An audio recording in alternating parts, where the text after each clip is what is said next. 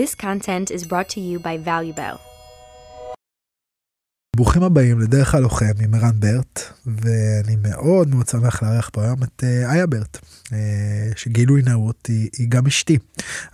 היו לי הרבה התלבטויות עם, אה, עם להזמין את איה לפה ו, ולייצר את השיח הזה כי כאילו יש פה איזה קרבה כזאת שהופכת את השיח ל... גם מורכב, גם חשוף, גם אה, אה, האור של הקרבה הזאת משפיעה בעצם על טיבו של השיח,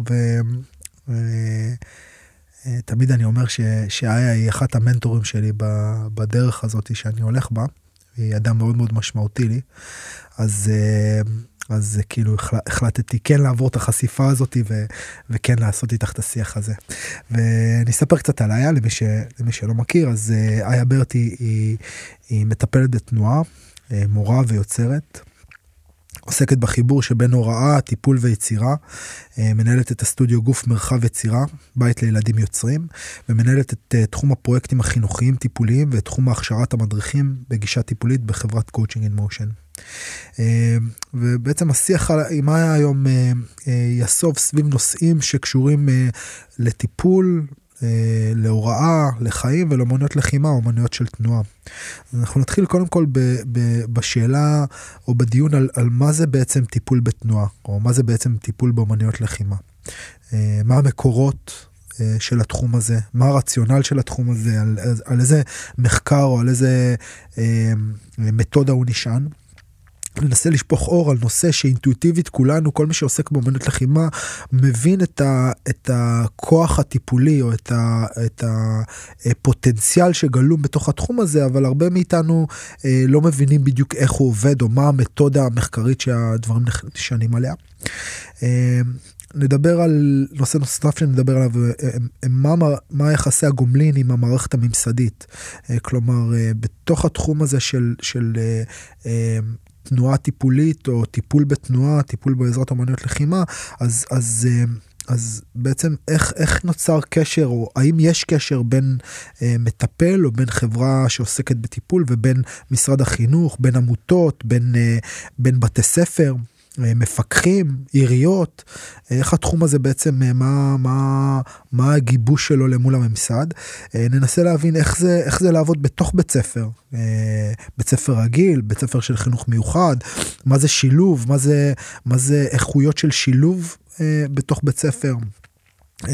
איזה ממשק יש עם צוות טיפולי, איזה ממשק יש עם מנהלי בית ספר, ואולי ב, ב, ב, זה, זה במיקרו ובמקרו אולי ננסה להבין על תהליכים יותר רחבים שעוברים על מערכת החינוך בישראל היום, על משרד החינוך, איזה מהלכים אה, אה, המדינה בעצם מייצרת כדי לייצר אינטגרציה או שילוב של תכנים מהתחום הזה בתוך אה, אה, מערכות אה, רגילות, ממלכתיות, בתי ספר. אה, אולי גם טיפה חינוך דתי ממלכתי, יש, יש, יש, יש איזושהי פתיחות לנושא הזה, מה, מה, מה קורה בשנים האחרונות.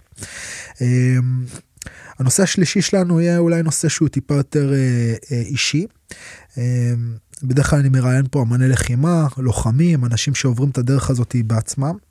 אמ, והיום אה, אני מראיין את איה שהיא בעצם אישה, ש, שאדם שנשוי לאמן לחימה. אה, למורה, למאמן שגם מאמן את הילדים. אה, ואז בעצם מתוך המקום האישי הזה אולי מה, מה, מה הזווית האישית של, של פרטנר שחולק מרחב עם, עם אמן לחימה, אה, איזה, איזה אתגרים המערכת יחסים הזאת מייצרת, מערכת יחסים עם הלחימה, אבל לא כלוחם, אלא כמישהו שמסתכל על זה בצד ומכיל פציעות, בגדים מסריחים כל היום, אה, ריחות משונים, שריטות אה, ועוד כל מיני תופעות לוואי של, ה, של הדרך הזאת שאנחנו בדרך כלל לא מדברים עליה כי אנחנו רגילים להכיל אותה אבל יש מישהו שחווה אותה את זה יחד איתנו. ואולי גם טיפים אם יהיה פה טיפים טיפים טיפים להכלה של של סירחון. אה, ו, והנושא האחרון אה, שאולי נדבר עליו זה, זה אה, בכובע של, של אה, איה לא כמטפלת אלא כמכשירה סופרוויזרית או, או, או אדם שאחראי על לייצר מתודות הדרכה והכשרה לאנשים שעוסקים בתחום הזה. אז, אז מה זה בעצם אומר, תוכנית להכשרת מדריכי לחימה ב, ב, באוריינטציה טיפולית? מה זה, איזה תוכניות יש? מה, מה תוכנית כזאת אמורה בעצם לספק? מה, אם אני רוצה להגיע למשהו כזה, אז איזה כלים אני אמור לרכוש? כלומר, עם איזה כלים אני אמור לצאת מתוכנית כזאת? מה חשוב לי לחפש? מה היא אמורה לספק תוכנית מהסוג הזה? אמ, ואולי עוד שתי, שתי שאלות שאני כאילו, אני מקבל הרבה, זה, אחד, זה, זה, זה למי תוכנית כזאת מכשירה? אה, מתאימה, סליחה, כלומר, מי, מה, מה קווי האופי שלי, אם אני, האם תוכנית כזאת אמורה להתאים לי? מה הפער אולי בין הרומנטיקה, הדברים שיש לנו בראש, לבין, אה, לבין מה שקורה פרקטית בשטח. ואולי שאלה אחרונה שהיא ככה שאלה כזאת גשמית, חומרית, מה, מה, מה העתיד המקצועי ומה העתיד הכלכלי בתחום כזה כלומר אני היום אדם בתחילת דרכי מה בכלל אפשר להרוויח מהתחום הזה אנחנו אנחנו מבינים שהיום הרבה אנשים אה, בתחילת דרכם מסתכלים קדימה ואומרים אוקיי כאילו האם אני אוכל כאילו להשתכר מזה האם אני אוכל לפרנס מזה משפחה אז אני חושב שזה גם שיח שהוא חשוב אולי ושווה לשים אותו. זהו נתתי לך וואחד, אה, וואחד הקדמה שלום איה. שלום וברכה כיף להיות פה. אוס אוס אוס.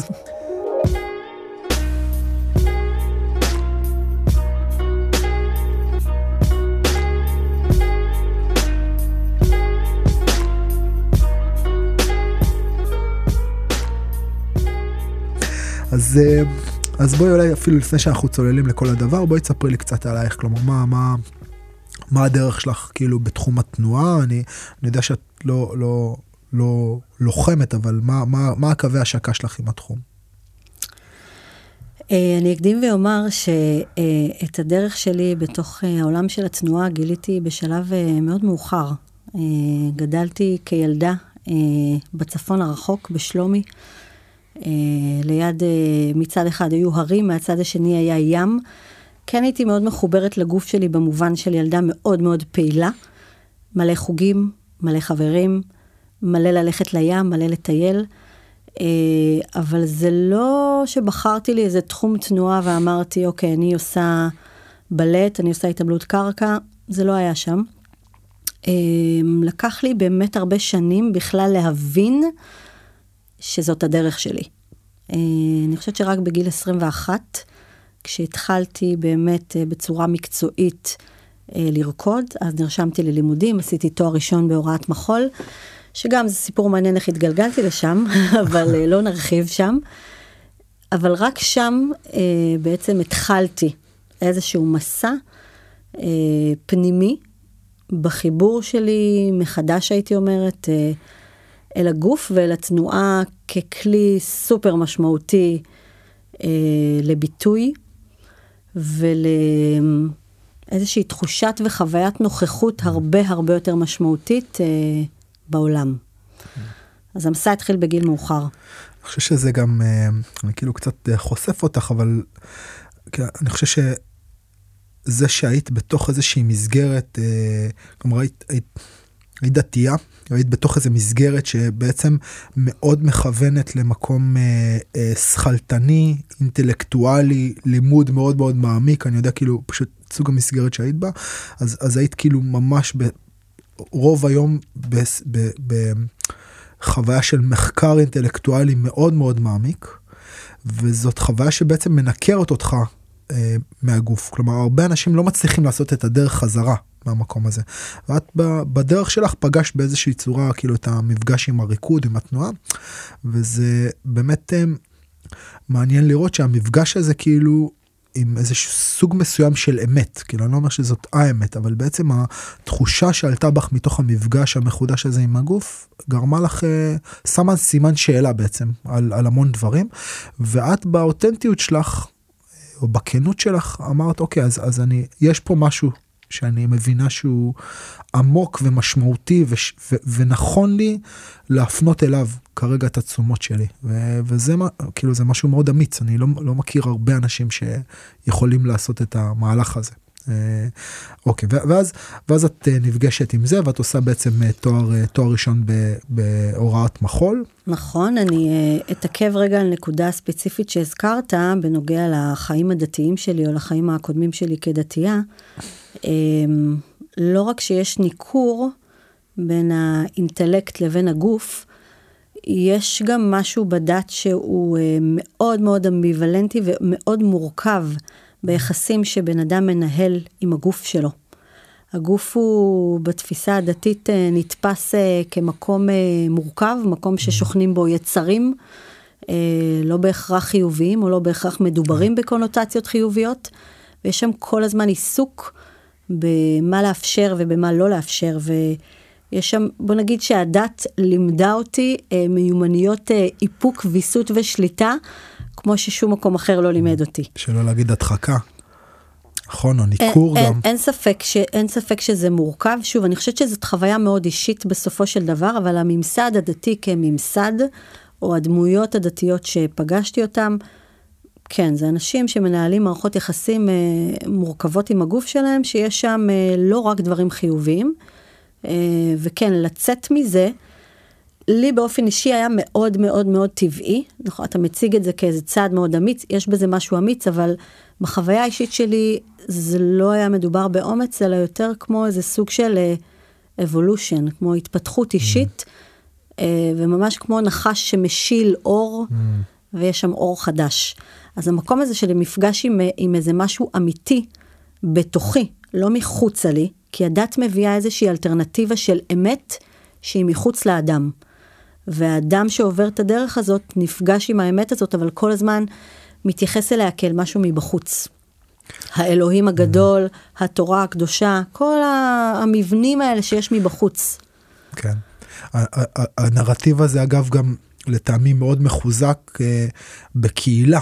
שבעצם מחזיקה את הדבר הזה ואז אם אתה עושה איזה צעד שהוא כאילו נון קונפורמיסטי כזה כלומר אתה אתה עושה איזה צעד למול הדבר הזה אתה, אתה ישר שונה. ואז יש שני כוחות מאוד מאוד גדולים שבעצם פועלים מולך. אחד הנרטיב הגדול הזה שבעצם אומר דרך ראשי הקהילה אומר בעצם הגוף הוא מקום שצריך קצת להיזהר ממנו ולכן נכון להשקיע את התשומות שלך בלמידה בלשבת בכאילו או את אישה אז נכון להשקיע את התשומות שלך בלגדל לגדל משפחה בית. זה אחד זה כאילו גדולי ה... כאילו זה בעצם השופר של החוכמה זה זה.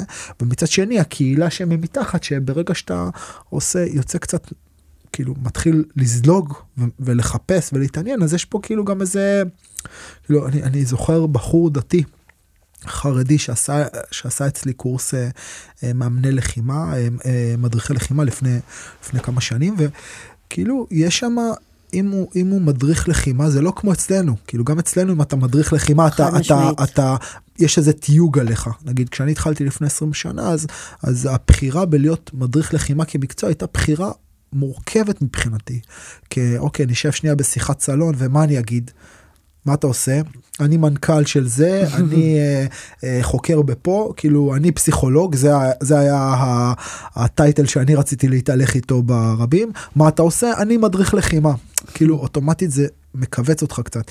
ובממסד הדתי, כאילו התורני, החרדי, הדתי-לאומי, אני לא יודע, כאילו זה, יש יותר משקל על הדבר הזה, לפרוץ את הדבר הזה הוא יותר קשה. נכון, היום זה כבר, uh, המצב הוא מאוד מאוד שונה, זאת אומרת, אני הייתי המחזור הראשון של, uh, ש, שסיים בעצם לימודים בתוך מסגרת uh, של מכללה דתית, שפתחה מסלול מיוחד לבנות דתיות שרוצות לרקוד, mm. אבל כדי לתת לזה הצדקה, היה חי... היו להיות... חייבים לחבר לזה את הטייטל של מורות למחול, ואז עשינו גם תואר וגם תעודת כן. הוראה. כדי שיהיה לזה מקצוע, שיהיה לזה הצדקה, מה זאת אומרת לרקוד בשביל לרקוד? לרקוד בשביל ללמד, אוקיי, עוד אפשר, אפשר לאכול את זה. אבל לרקוד בשביל לרקוד, מה, מה פשר הדבר? אני חושבת שהיום העולם הזה הרבה הרבה הרבה יותר פתוח, קורים דברים נפלאים. גם בציבור הדתי וגם בציבור החרדי בהקשר הזה. אז, אז אולי אנחנו נשים את זה כעוד פעם, אנחנו גם מעורבים בכמה תהליכים כאלה שהם באמת אה, מדהימים ב, ב, אה, ב, ב, היכולת שלהם בעצם להדהד איזשהו שינוי תודעתי או שינוי כאילו אפילו במבנה של ה... אמ, חברה ישראלית במקום הזה אני כאילו לא אגזים אם אני אומר את זה אבל אבל בוא נשים את זה בצד כי זה אולי יתאים לפרק שלנו על אה, ממסד. ובואי תמשיכי את הסיפור שלך את, אה, את כאילו מסיימת את התואר הראשון מתחילה אני לפני שאני מסיימת את התואר הראשון אני מתחילה את התואר הראשון ואני בעצם נחשפת לאיזושהי חוויה מאוד מאוד מאוד עוצמתית אה, שבאותה מידה שהיא עוצמתית היא שקטה ובטוחה ברמות uh, שקשה לתאר. אני חושבת שכל אדם שחש רגעים מסוימים בחייו שבהם הוא פשוט יודע שהוא קרוב לעצמו יותר ברגעים האלה, יוכל להזדהות עם המקום הזה. Uh, וזאת החוויה של uh, הגעתי הביתה. פשוט הגעתי הביתה.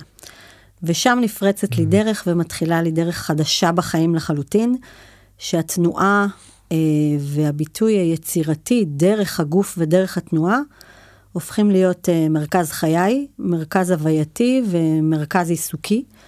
וזאת הייתה התמסרות מדהימה של ארבע שנים שבהם חייתי בתוך הסטודיו, נשמתי תנועה, אכלתי תנועה, יצרתי, רקדתי, התפתחתי uh, גופנית. אני מזכירה לך שהתחלתי לרקוד בגיל 21, הנתונים שלי הם, הם לא רעים, אבל אני לא גדלתי על הדבר הזה. זה לא, זה לא ילדה שעשתה בלט, זאת כאילו, לא ילדה שעשתה בלט 20 ביום, שנה, כן, כן 4 שעות ביום. והגוף מתעצב למול הדבר הזה, ואת יודעת, ועוד פעם בפרפרזה, או כאילו בהקבלה לתחום הלחימה, זה לא עכשיו אה, ילד, נגיד הילדים, הילדים שלנו שגדלים בסטודיו ומתחרים בגיל 12. בדיוק, את הדבר ו... הזה. כאילו יש שם איזה משהו שהוא כבר, זה בתוך ה-DNA שלך, זה לא איזה... כאילו בחירה של כאילו זה כבר זה ואז להגיע לזה בגיל 21 זה כאילו מצד אחד יש בזה איזה מבט מרענן על הדברים כי את יכולה להתבונן עליהם כ... בצורה קצת אה, מאוד אה, אותנטית ולא אמצעית עם מוח של אדם בוגר אבל את יכולה להתבונן על זה מבחוץ. אבל מצד שני יש מחיר של לא לגדול בתוך הדבר הזה. חד משמעית אני חושבת שאחד המחירים במרכאות. אה, כשהייתה לי את הבחירה, אחרי שסיימתי ללמוד, כאילו איזה מין מקום, אוקיי, מה אני הולכת לעשות עם זה? אה, והייתה לי שם איזושהי צומת של אני הולכת להיות רקדנית, או שאני הולכת להיות מורה. מה אני הולכת mm. להיות? ואני לא חושבת שהצלחתי לבחור באופציה של להיות רקדנית, אה, גם בין השאר מתוך המקום הזה שלא גדלתי על זה. ובכל זאת זה הכל הרגיש חדש מדי וכאילו אני באמת אצליח להשתלב לתוך העולם הזה? אז שוב, זה היה אולי uh, קצת לא מודע, היום אני מדברת על זה ממקום מאוד מודע, אבל uh, אני חושבת שבחוויה של אז זה היה מקום לא כל כך מודע. והייתה שם בחירה של דרך, ועשיתי בחירה, אוקיי, אני אמשיך ליצור, אני אמשיך להיות מחוברת למקום הזה גם מתוך החוויה האישית שלי כרוקדת וכיוצרת, אבל אני הולכת ללמד. הבחירה ללכת ללמד היא הייתה מאוד, uh, היא הייתה מאוד אינטואיטיבית. גם במהלך שנות הלימודים האלה הייתה לי בהירות מאוד גדולה בנושא הזה. ההוראה היא גם בית עבורי, בדיוק כמו התנועה. אה, כל ההתנסויות שהיו לי בשנות הלימודים היו מאוד מאוד חיוביות בהקשר הזה, זה איזה מקום שאני אה, מאז ומעולם הרגשתי איתו בנוח וקיבלתי פידבק מאוד ברור מהעולם. Hmm, איזה יופי, את עושה את זה טוב, את יכולה לעשות את זה. ומשם זה נהיה מין uh, כזה צונאמי של, uh, צונאמי של הוראה mm. וקבוצות uh, מגדרה עד חדרה. Uh, זה מין תקופה כזאת שעוד אין אוטו, נוסעים באוטובוסים, ברכבות. חרשתי את הארץ, לימדתי המון, המון mm. שעות בשבוע. המון סוגים של קבוצות, המון סוגים של ילדים, מחינוך מיוחד, מגנים ועד סטודיו פרטיים מאוד נחשבים uh, במרכז הארץ. אני חושבת שדי חוויתי מנעד באמת אה, מאוד מאוד רחב של סוגים שונים. כן, וזה גם במקום הזה, כאילו המיילג', נכון? של כאילו לעמוד מול קבוצות ולחוות ולהדריך בכל מיני כובעים, בכל מיני כאילו, אבל, אבל להדריך, להדריך, להדריך, להדריך. חד משמעית. אני חושבת שהיה לי מאוד ברור בגיל אה, מאוד צעיר, שזה משהו שאני לא אפרוץ אותו ברמה האישית שלי, אם אני לא אעשה אותו מאוד מאוד ברצינות, וזה צריך לעבור איזה סך, סף מסוים של כמות ברמה התנסותית כדי להרגיש שהדבר הזה הוא, הוא שלך. כן. זה כמו שאנחנו מדברים הרבה פעמים עוד פעם בקורס המדריכים עם תלמידים על המקום הזה של עשרת אלפים חזרות או עשרת אלפים שעות או עשר שנים כאילו יש כל מיני אה, פריימים כאלה של מה זה אומר אה, להיות מומחה בתחום. וכאילו כל, כל, ה, כל השיח על מומחיות עובר דרך מספר מסוים של רפטיציות או זמן מסוים שאתה משקיע בדבר. ונגיד יש איזשהו פער כזה בין נגיד אתה רקדן או אתה לוחם או אתה איש תנועה זה לא משנה מה אתה. אתה אתה כאילו אתה עושה איזשהו משהו בפרקטיס שלך ואתה מגיע לרמת מומחיות אבל לאמן או להדריך או להיות מורה זה פרקטיס אחר. כאילו זה מיומנות אחרת וגם את המיומנות הזאתי זה שהיית לוחם מעולה או רקדן מעולה או זה שאתה כישרוני בתחום אחד לא הופך אותך בהכרח לכישרוני בתחום אחר. וגם אם אתה כישרוני הכישרון לא מספיק אתה צריך כאילו להשתפשף כאילו המון המון זמן.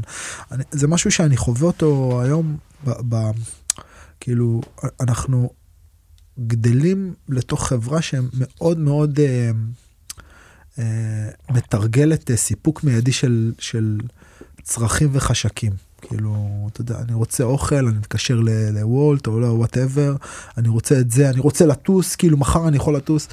אה, ויש פה איזה משהו שכאילו אי אפשר לקצר איתו תהליכים. חד כאילו... משמעית, אני אה, מתעכב על... ולא משנה כמה טוב זה מצטלם באינסטגרם או לא יודע מה, כאילו יש דברים שאתה לא יכול לקצר איתם תהליכים. אי אפשר לקצר תהליכים, ואם מקצרים תהליכים אז uh, בשלב לא מאוחר של הדרך uh, כולם מבינים שהמלך הוא עירום. Uh, אני אעשה את החיבור כבר, ותכף נחזור לסיפור, כי זה נקודה מאוד משמעותית. המדריכים שאני עובדת איתם היום, שהם מדריכי אומנויות לחימה, הם בעצם לומדים אה, לתעל את העבודה שלהם בתוך השפה של אומנויות לחימה לעבודה טיפולית או לעבודה עם היבטים טיפוליים, רק אחרי חודשיים שלושה בתוך השטח. מבינים. בכלל מה זה אומר. גם מה זה אומר, אבל יותר מזה, כמה תרגול נדרש כדי להטמיע את הכלים האלה.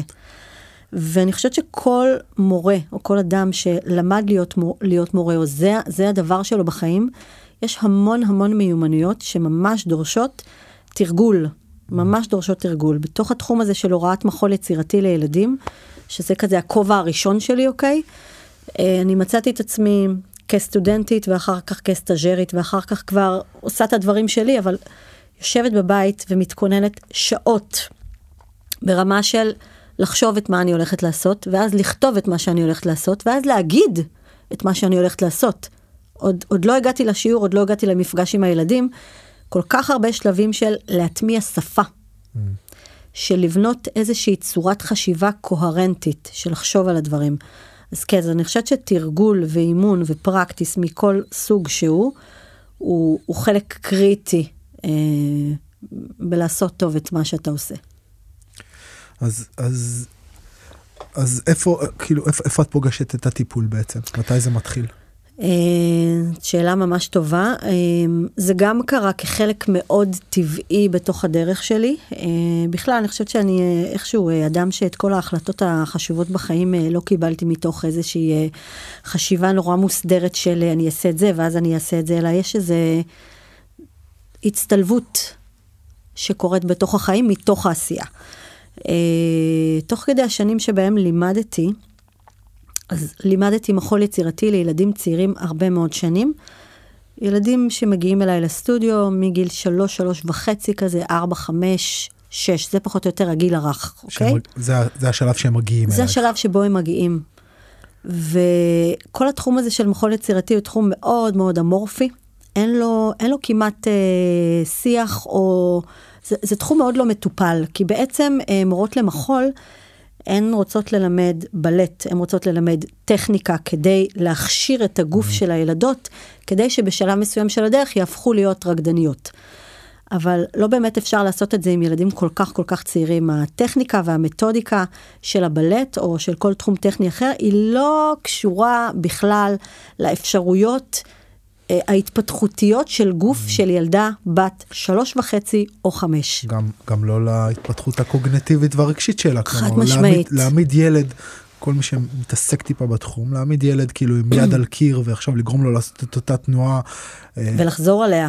20 דקות, 10 דקות, 5 דקות, כאילו זה, זה כמעט זה, כמעט סוג של בלתי- עינוי, כן, זה, זה סוג של. עינוי למורה ולתלמידה. ו- וזה כאילו מתאים, זה בעצם מתודות שנבנו במאה ה-19, נכון? לגמרי. מאה ה-17, 18, 19 כזה, בלט. במקום שבו א', לא הייתה. הבחנה כל כך בין, כאילו ילד תמיד היה מבוגר קטן, סוג של מבוגר קטן. נכון. הייתה תרבות שכאילו הייתה, אה, היו לה קווי, כאילו הגדרות מסוימות, והדבר, הפרקטיקה הזאת היא נבנתה אז, ואנחנו כאילו עדיין מלמדים לפי הפרקטיקה הזאת, אבל בעצם אנחנו כבר לא באותו מצב. אני ממש מסכימה, זה גם שונה בהיבט התרבותי. אה, הארצי המקומי, זאת אומרת איפה, באיזה אוויר אתה נושם, באיזה סביבה אתה חי, מה המטרות התרבותיות של, ה, של המדינה אליה אתה שייך, של הארץ אה, בה אתה גר.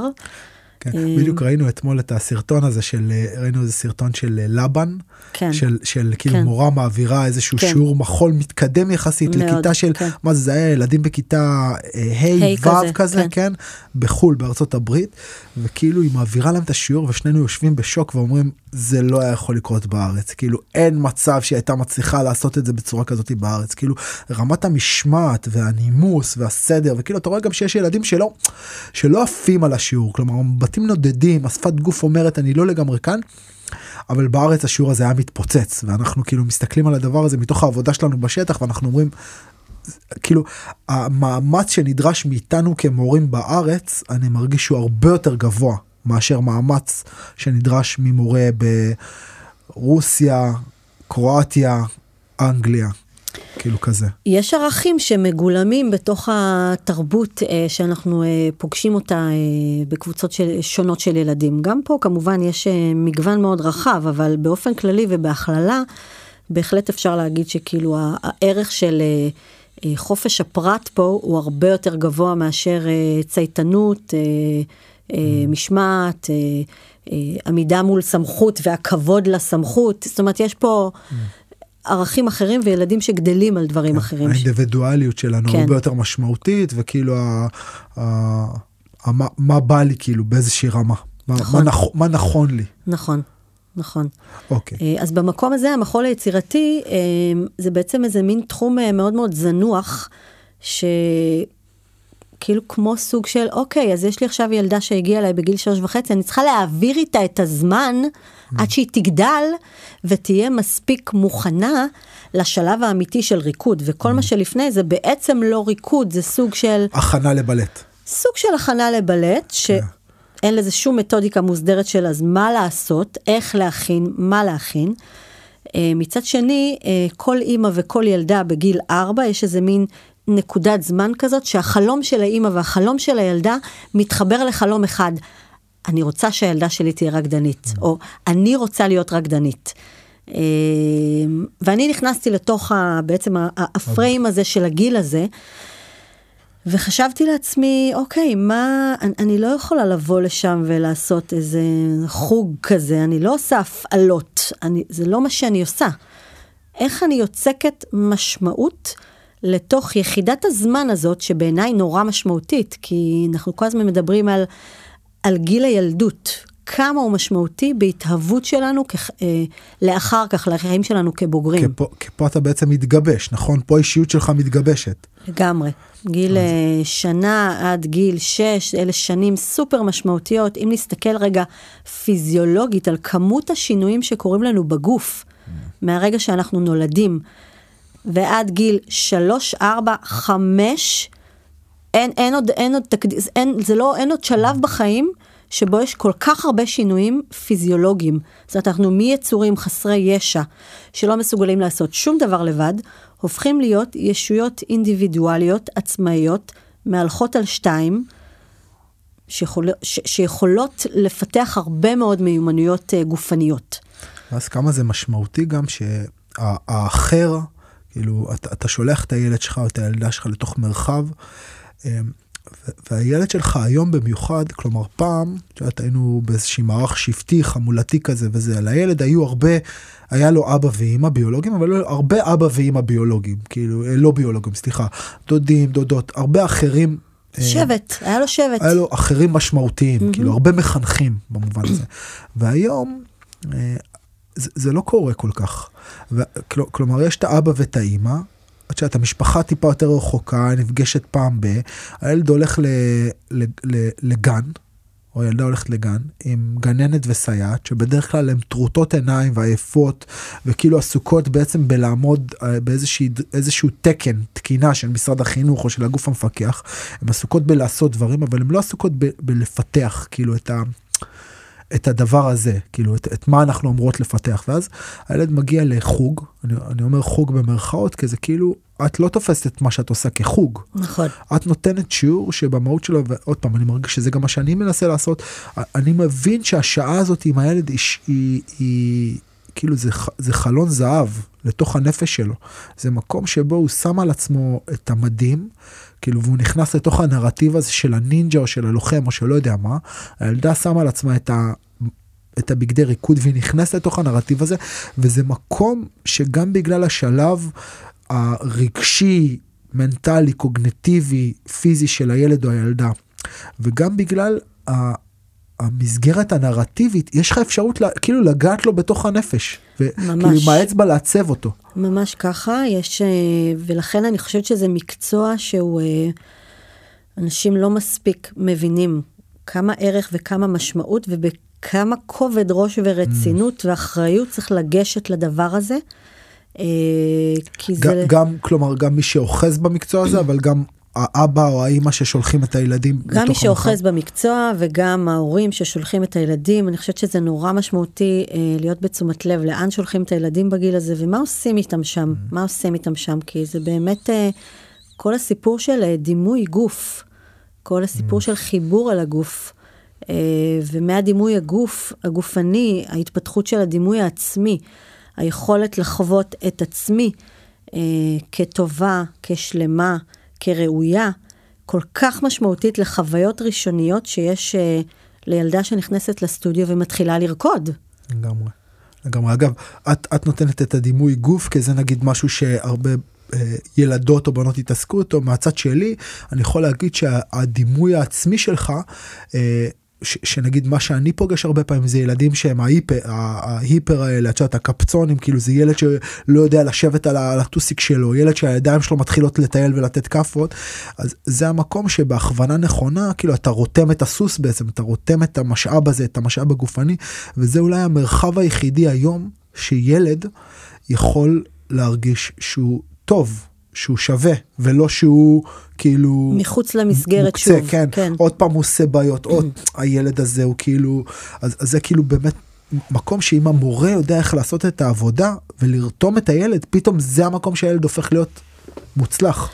והנה כבר אמרת במילים שלך, אה, כבר ייצרת איזשהו גשר ותיווך לתוך בעצם איך עבודה אה, רגשית שהיא סמי טיפולית נכנסת לנו לתוך אה, הוראה בצורה mm. מאוד אה, בסיסית, פשוטה וכאילו מובנת מאליה.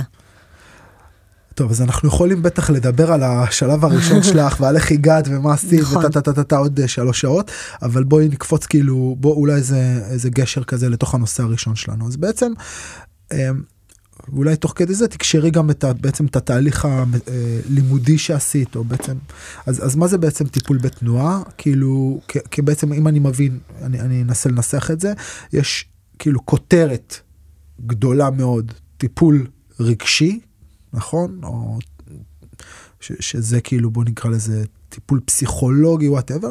מתחת לכותרת הזאת יש תת כותרת שנקראת טיפול בתנועה. ומתחת לתת כותרת הזאת יש עוד תת כותרת שזה כאילו טיפול בעזרת אומנויות לחימה ו- ובואי תסבירי כאילו את ההקשרים בתוך, ה- בתוך התחום הזה מאיפה זה נולד מה זה אמור לתת ואז אולי תצייני גם את, ה- את, ה- את ההסמכה שלך או מה עשית שם. אז אני אתחיל את זה דווקא הפוך, אה, לתוך המחול היצירתי שלימדתי המון שנים, בעצם הבנתי תוך כדי עבודה שאני מכניסה לשם המון היבטים טיפוליים. שאף אחד לא לימד אותי לעשות את זה, זה פשוט בצורה מאוד אינטואיטיבית צף ועלה. המפגש של אה, כל ילדה עם רגע של ריקוד, לא ריקוד מובנה, אלא ריקוד ספונטני, כשאני מביאה איזשהו נושא למחקר תנועתי ואני מאפשרת לה בתוך המרחב הזה להיות בתנועה חופשית, מה שאנחנו קוראים לו אימפרוביזציה מונחית, קורים שם רגעים קסומים. של אה, איזשהו סוג של דיבור פנימי של ילדה עם עצמה תוך כדי תנועה, אוקיי? לתוך המקומות האלה, נוכחות בתנועה. נוכחות גופנית קשובה, אה, שיוצאת החוצה באיזשהו אפיק תנועתי יצירתי. ולמקום הזה של הביטוי האישי, יש ערך תרפויטי בפני עצמו. יש על זה המון מחקרים, אוקיי? זה נושא דווקא מאוד חקור, המקום הזה. ופשוט בשלב מסוים נפל לי איזשהו אסימון שרגע, קורה פה משהו אחר. הדבר הזה שאני עושה, אה, הוא כבר חורג את, ה, את, ה, את המקום הרגיל של שיעור ריקוד. יש פה משהו אחר שקורה.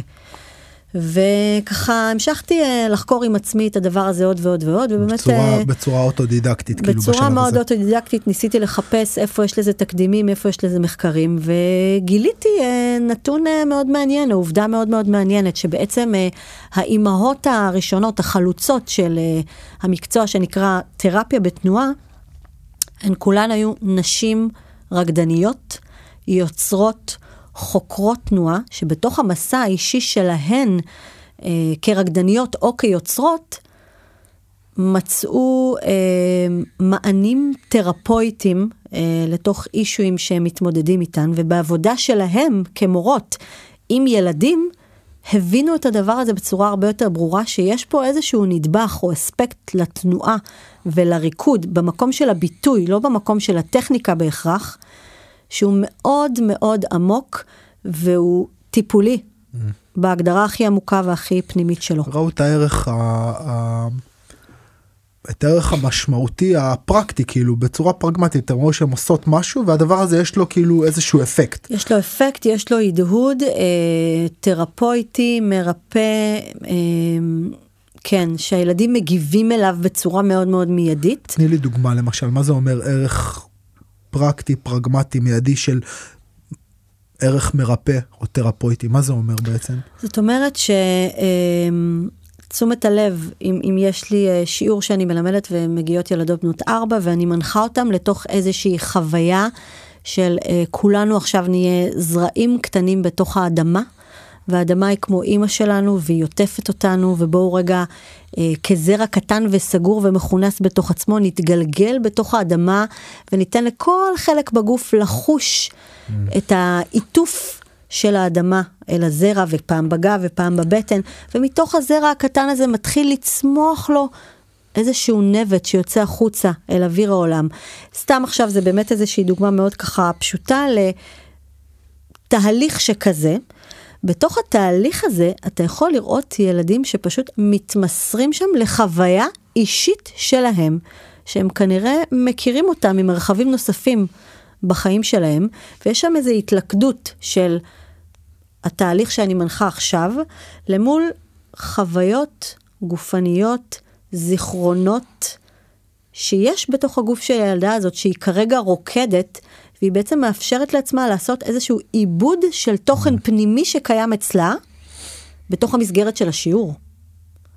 מתוך הדבר הזה קורים דברים מופלאים כמו אה, שיח שילדה יכולה פשוט לבוא ולהגיד, הרגשתי כך וכך וכך וכך. זה הזכיר לי כך וכך וכך וכך. זה כאילו בעצם לאפשר למשהו שהוא מאוד אמורפי, פנימי, רגשי, לתפוס איזושהי נוכחות פיזית בעולם. או איזושהי התגשמות. זה של... לתת הכרה, mm. זה לתת הכרה לעולם פנימי שרוב הזמן הוא סגור בתוך עצמו. הוא לא, זה לא משהו שילדה בת ארבע באה והיא מנהלת עם אימא שלה שיחה עמוקה על תחושותיה או רגשותיה. אני לא מכיר הרבה נערים או אנשים בוגרים שהם מייצרים את השיח הזה. נכון, ובמקום הזה יש איזושהי חוויה בלתי אמצעית שהיא לא בהכרח מילולית, אבל יש איזושהי חוויה בלתי אמצעית של ביטוי ושל תנועה, שמאפשרת הכרה בחוויות הפנימיות של אותה ילדה שרוקדת. ובעצם הדבר הזה, יש פה כבר, אנחנו מנכיחים פה עיקרון טיפולי סופר בסיסי וסופר חשוב, אוקיי? כל טיפול, לא משנה באיזה אסכולה הוא, נשען על האפשרות לתת למישהו הכרה mm. בעולם הפנימי שלו, ביטוי, הכרה ברגשות. שלו, כן. כן. ו- ורק זה, אם אני חוזר שנייה חזרה אחורה לחלון, לחלון זהב הזה שיש לנו בגילאים האלה, איזה, אני כאבא חושב על זה, איזה ערך מטורף זה. כאילו שהילד שלי הולך לאיזשהו מרחב והוא לומד בעצם לייצר שפה רגשית שמצליחה להנכיח את, ה, את הכאוס, את האמורפיות, את הסערות הפנימיות האלה ולתת שם לתחושות שלפעמים מציפות אותנו וכולנו כהורים או כאנשים מכירים מה זה שתחושה מציפה אותי ואני כאילו היא שולטת בי ואיזה איזה ערך זה רק לאפשר לילד שלך לעשות סדר בבלגן הזה ולהתחיל לדבר. את הרגשות שלו, להתחיל לדבר את התחושות שלו, להתחיל לייצר מודעות. כאילו רק זה ברמה חינוכית, איזה, איזה, איזה מתנה זאת. נכון, וזה כבר אה, שלב מאוד מתקדם. זאת אומרת, זה בעצם אה, כל ה... לשם מה נתכנסנו, זה בעצם אה, לדבר על האפשרות שבאמצעות עבודה תנועתית ספציפית דרך אומנויות לחימה, יש לנו אפשרות ללמד ילדים, אחד, להכיר את מגוון הרגשות שהם חווים כל הזמן, כי כולנו כל הזמן יצורים מאוד מאוד חווים, ובמקום רק להתנהג אותם, להתחיל לדבר אותם. Mm. זאת אומרת, אני לא חייב לכעוס כדי שידעו אג, שאני אג, כועס. אגב, אולי שלב אחד לפני זה, לפני לדבר אותם, זה הלנוע אותם. זה נכון, בעצם, שזה זה... השלב, שזה, ששוב, אני רגע מתחברת לעבודה שאני עושה עם הילדות, ונכון, במקום, במקום שבו אני מורה למחול, אין לי עניין שם באמת, אני לא קוראת לזה תהליך טיפולי, אבל הבנתי שמתקיימים שם היבטים טיפוליים גם בתוך המרחב הזה, שהוא לא מרחב טיפולי. ושיש פה בעצם פוטנציאל. ושיש פה פוטנציאל אדיר, וכשהתחלתי לחקור על זה קצת והבנתי, אה ah, וואו, יש בעצם, בעצם ככה התחום הזה צמח, ככה זה התחיל, ואז אמרתי, אוקיי, אז אני צריכה את זה ללמוד. Okay, זה אוקיי, הדבר שאני צריכה ללמוד. ואז, ואז מה עשית בעצם? איך לומדים את זה? ואז אה, בעצם הבנתי שיש תחום כזה שנקרא אה, טיפול בתנועה. שטיפול בתנועה מתיישב אה, תחת הכותרת של טיפול באמצעות אה, הבעה ויצירה, אוקיי?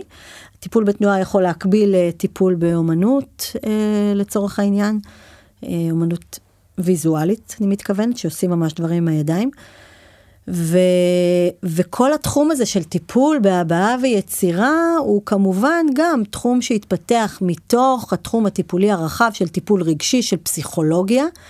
אמ, זה כאילו, בפסיכולוגיה בעצם מה שאתה עושה, נגיד פסיכולוג, אתה מגיע ואתה מתיישב מול פסיכולוג, יש מקצוע שבעצם יודע איך אה, להכיל, למלא, לתקשר את העולם הפנימי שלך בצורה כזו או אחרת. אבל כשאנחנו בעצם באים לעבוד עם ילדים או בני נוער, הרבה פעמים הפלטפורמה הזו או הערוץ הזה, הערוץ שלה לדבר את הדברים הוא קצת חסום. נכון? כאילו זה משהו שהוא קצת מוגן, קצת חסום, קצת אין עדיין את הכלים לעשות את זה.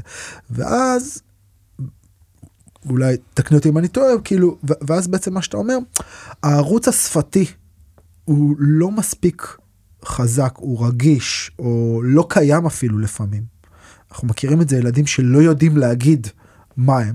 ואז אתה בעצם אומר, במקום לעשות תהליך של top down, לדבר את הרגשות שלי, אז בוא נעשה תהליך של bottom up, בוא ניתן לדברים לבעבע, לנבוע. הדברים יוצאים החוצה, בואו פשוט ניתן להם אפיקים לצאת.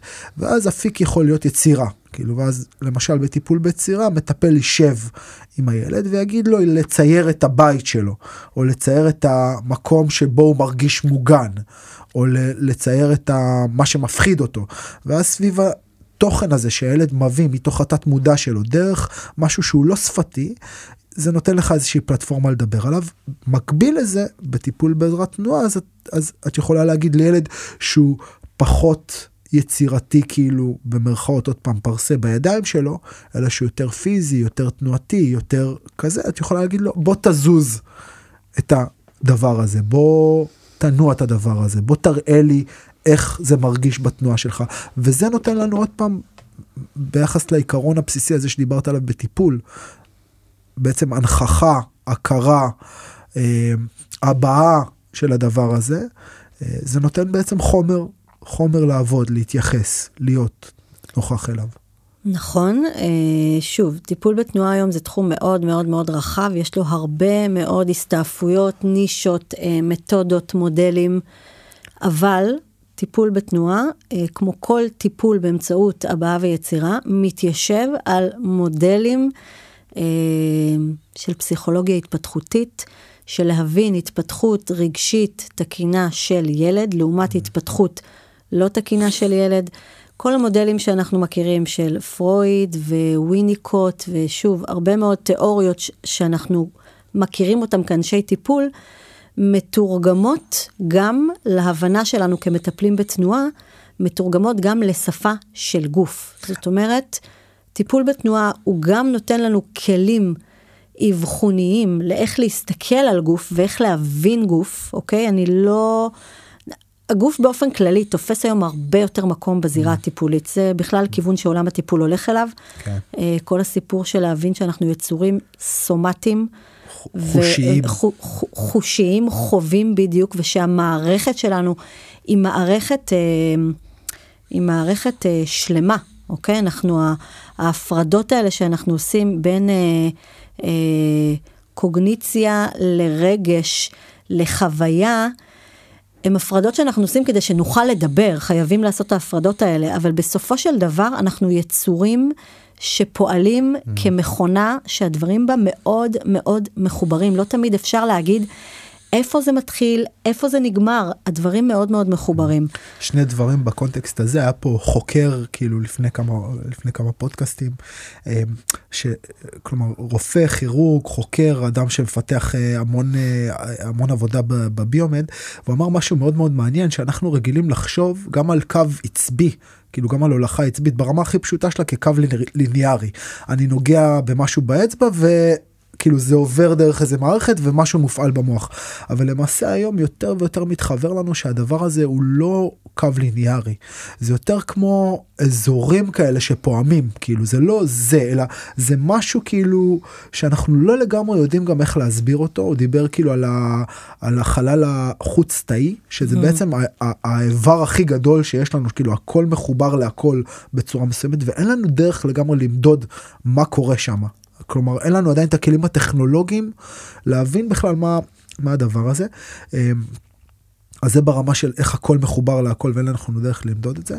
אמ, ו, ו, ואז אם אני ביחס לדברים שלך כאילו זה מעניין אולי לעשות סדר בין אמ, תיאוריה מאוד מאוד רחבה ומתוך התיאוריה הזאת נוצר איזשהו סוג של כאילו יש יש הגדרות תיאורטיות, ואז יש איזשהו מודל עבודה שעושה לך איזשהו מייצר לך איזושהי פריזמה, איזושהי הדסה, נכון. הדשה, ואז יש לך את העבודה בשטח, כאילו, ו, ו, ואז אני אומר, אוקיי, אז למה אני בעצם צריך את התיאוריה? למה אני צריך ללמוד את, ה, את, ה, את הקווים התיאורטיים? למה אני צריך ללמוד בכלל פרויד או פיאז'ה או וויניקוט? כאילו, מה זה, מה זה, מה זה יעזור לי? אני מאמן אומניות לחימה.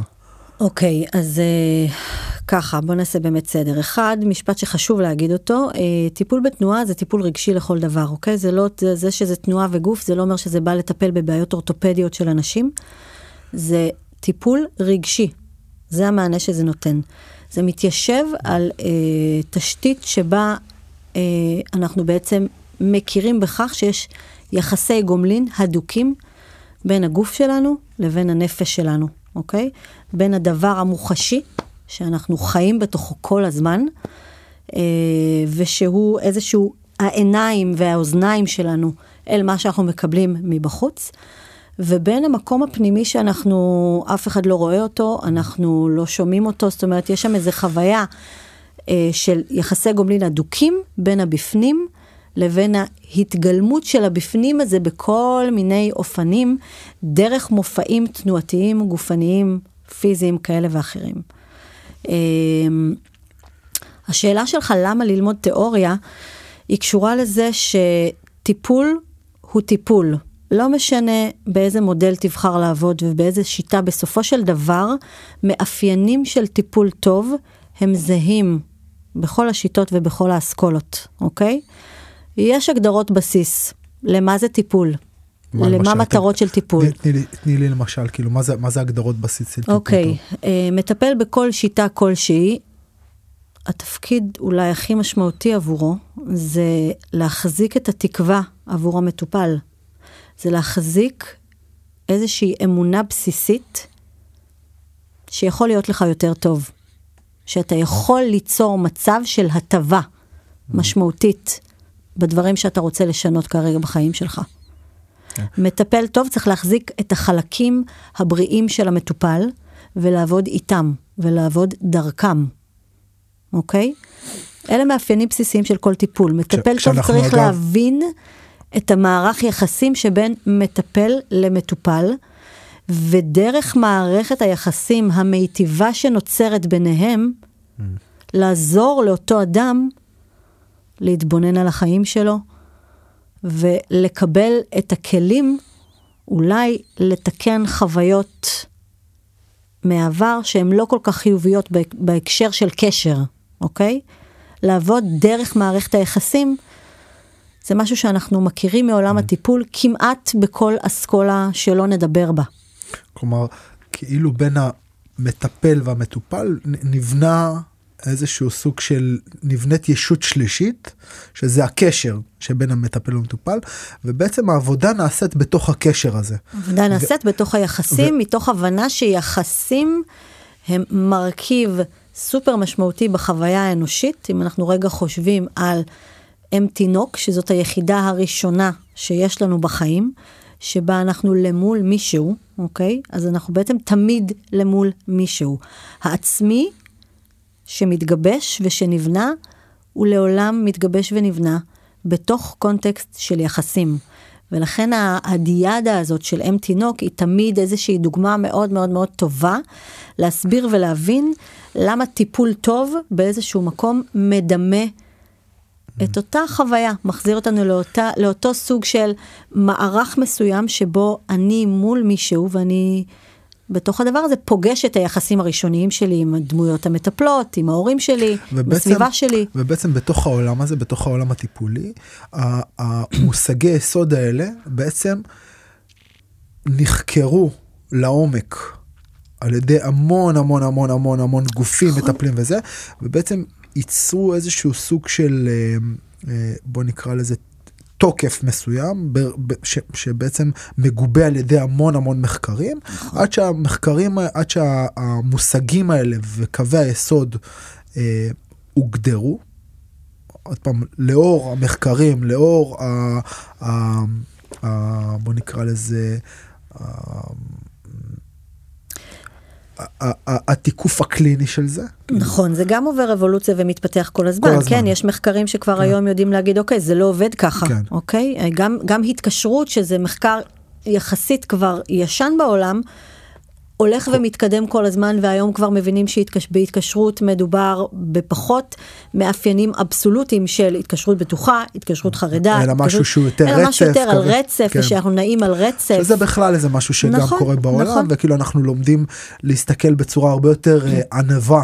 פחות מוחלטת. כן, על- על מבינים הדברים. שאנחנו יצורים הרבה יותר מורכבים ורב הנסתר על הגלוי. אבל, אבל גם זה בעצם איזה משהו שברגע שאתה לומד אתה מקבל את, הדו, את המקום הזה גם של, של, של אין לי תשובה מוחלטת לדברים נכון אני חושב שזה גם אולי אחד מעקרונות הטיפול כאילו הבנה שאתה מגיע בצורה מאוד מאוד ענווה ו, ו, אף אחד לא בא לתקן אף אחד, Mm. אף אחד לא בא לטפל במובן של אני אסדר את הבעיות שלך, אני לא אפתור לך בעיות. זה כבר מאוד ברור היום בעולם של הטיפול שמטופל שמגיע, אה, מערכת היחסים בינו או ההסכם בינו לבין המטפל הוא לא כזה שמישהו בא לתקן אותו, Mm.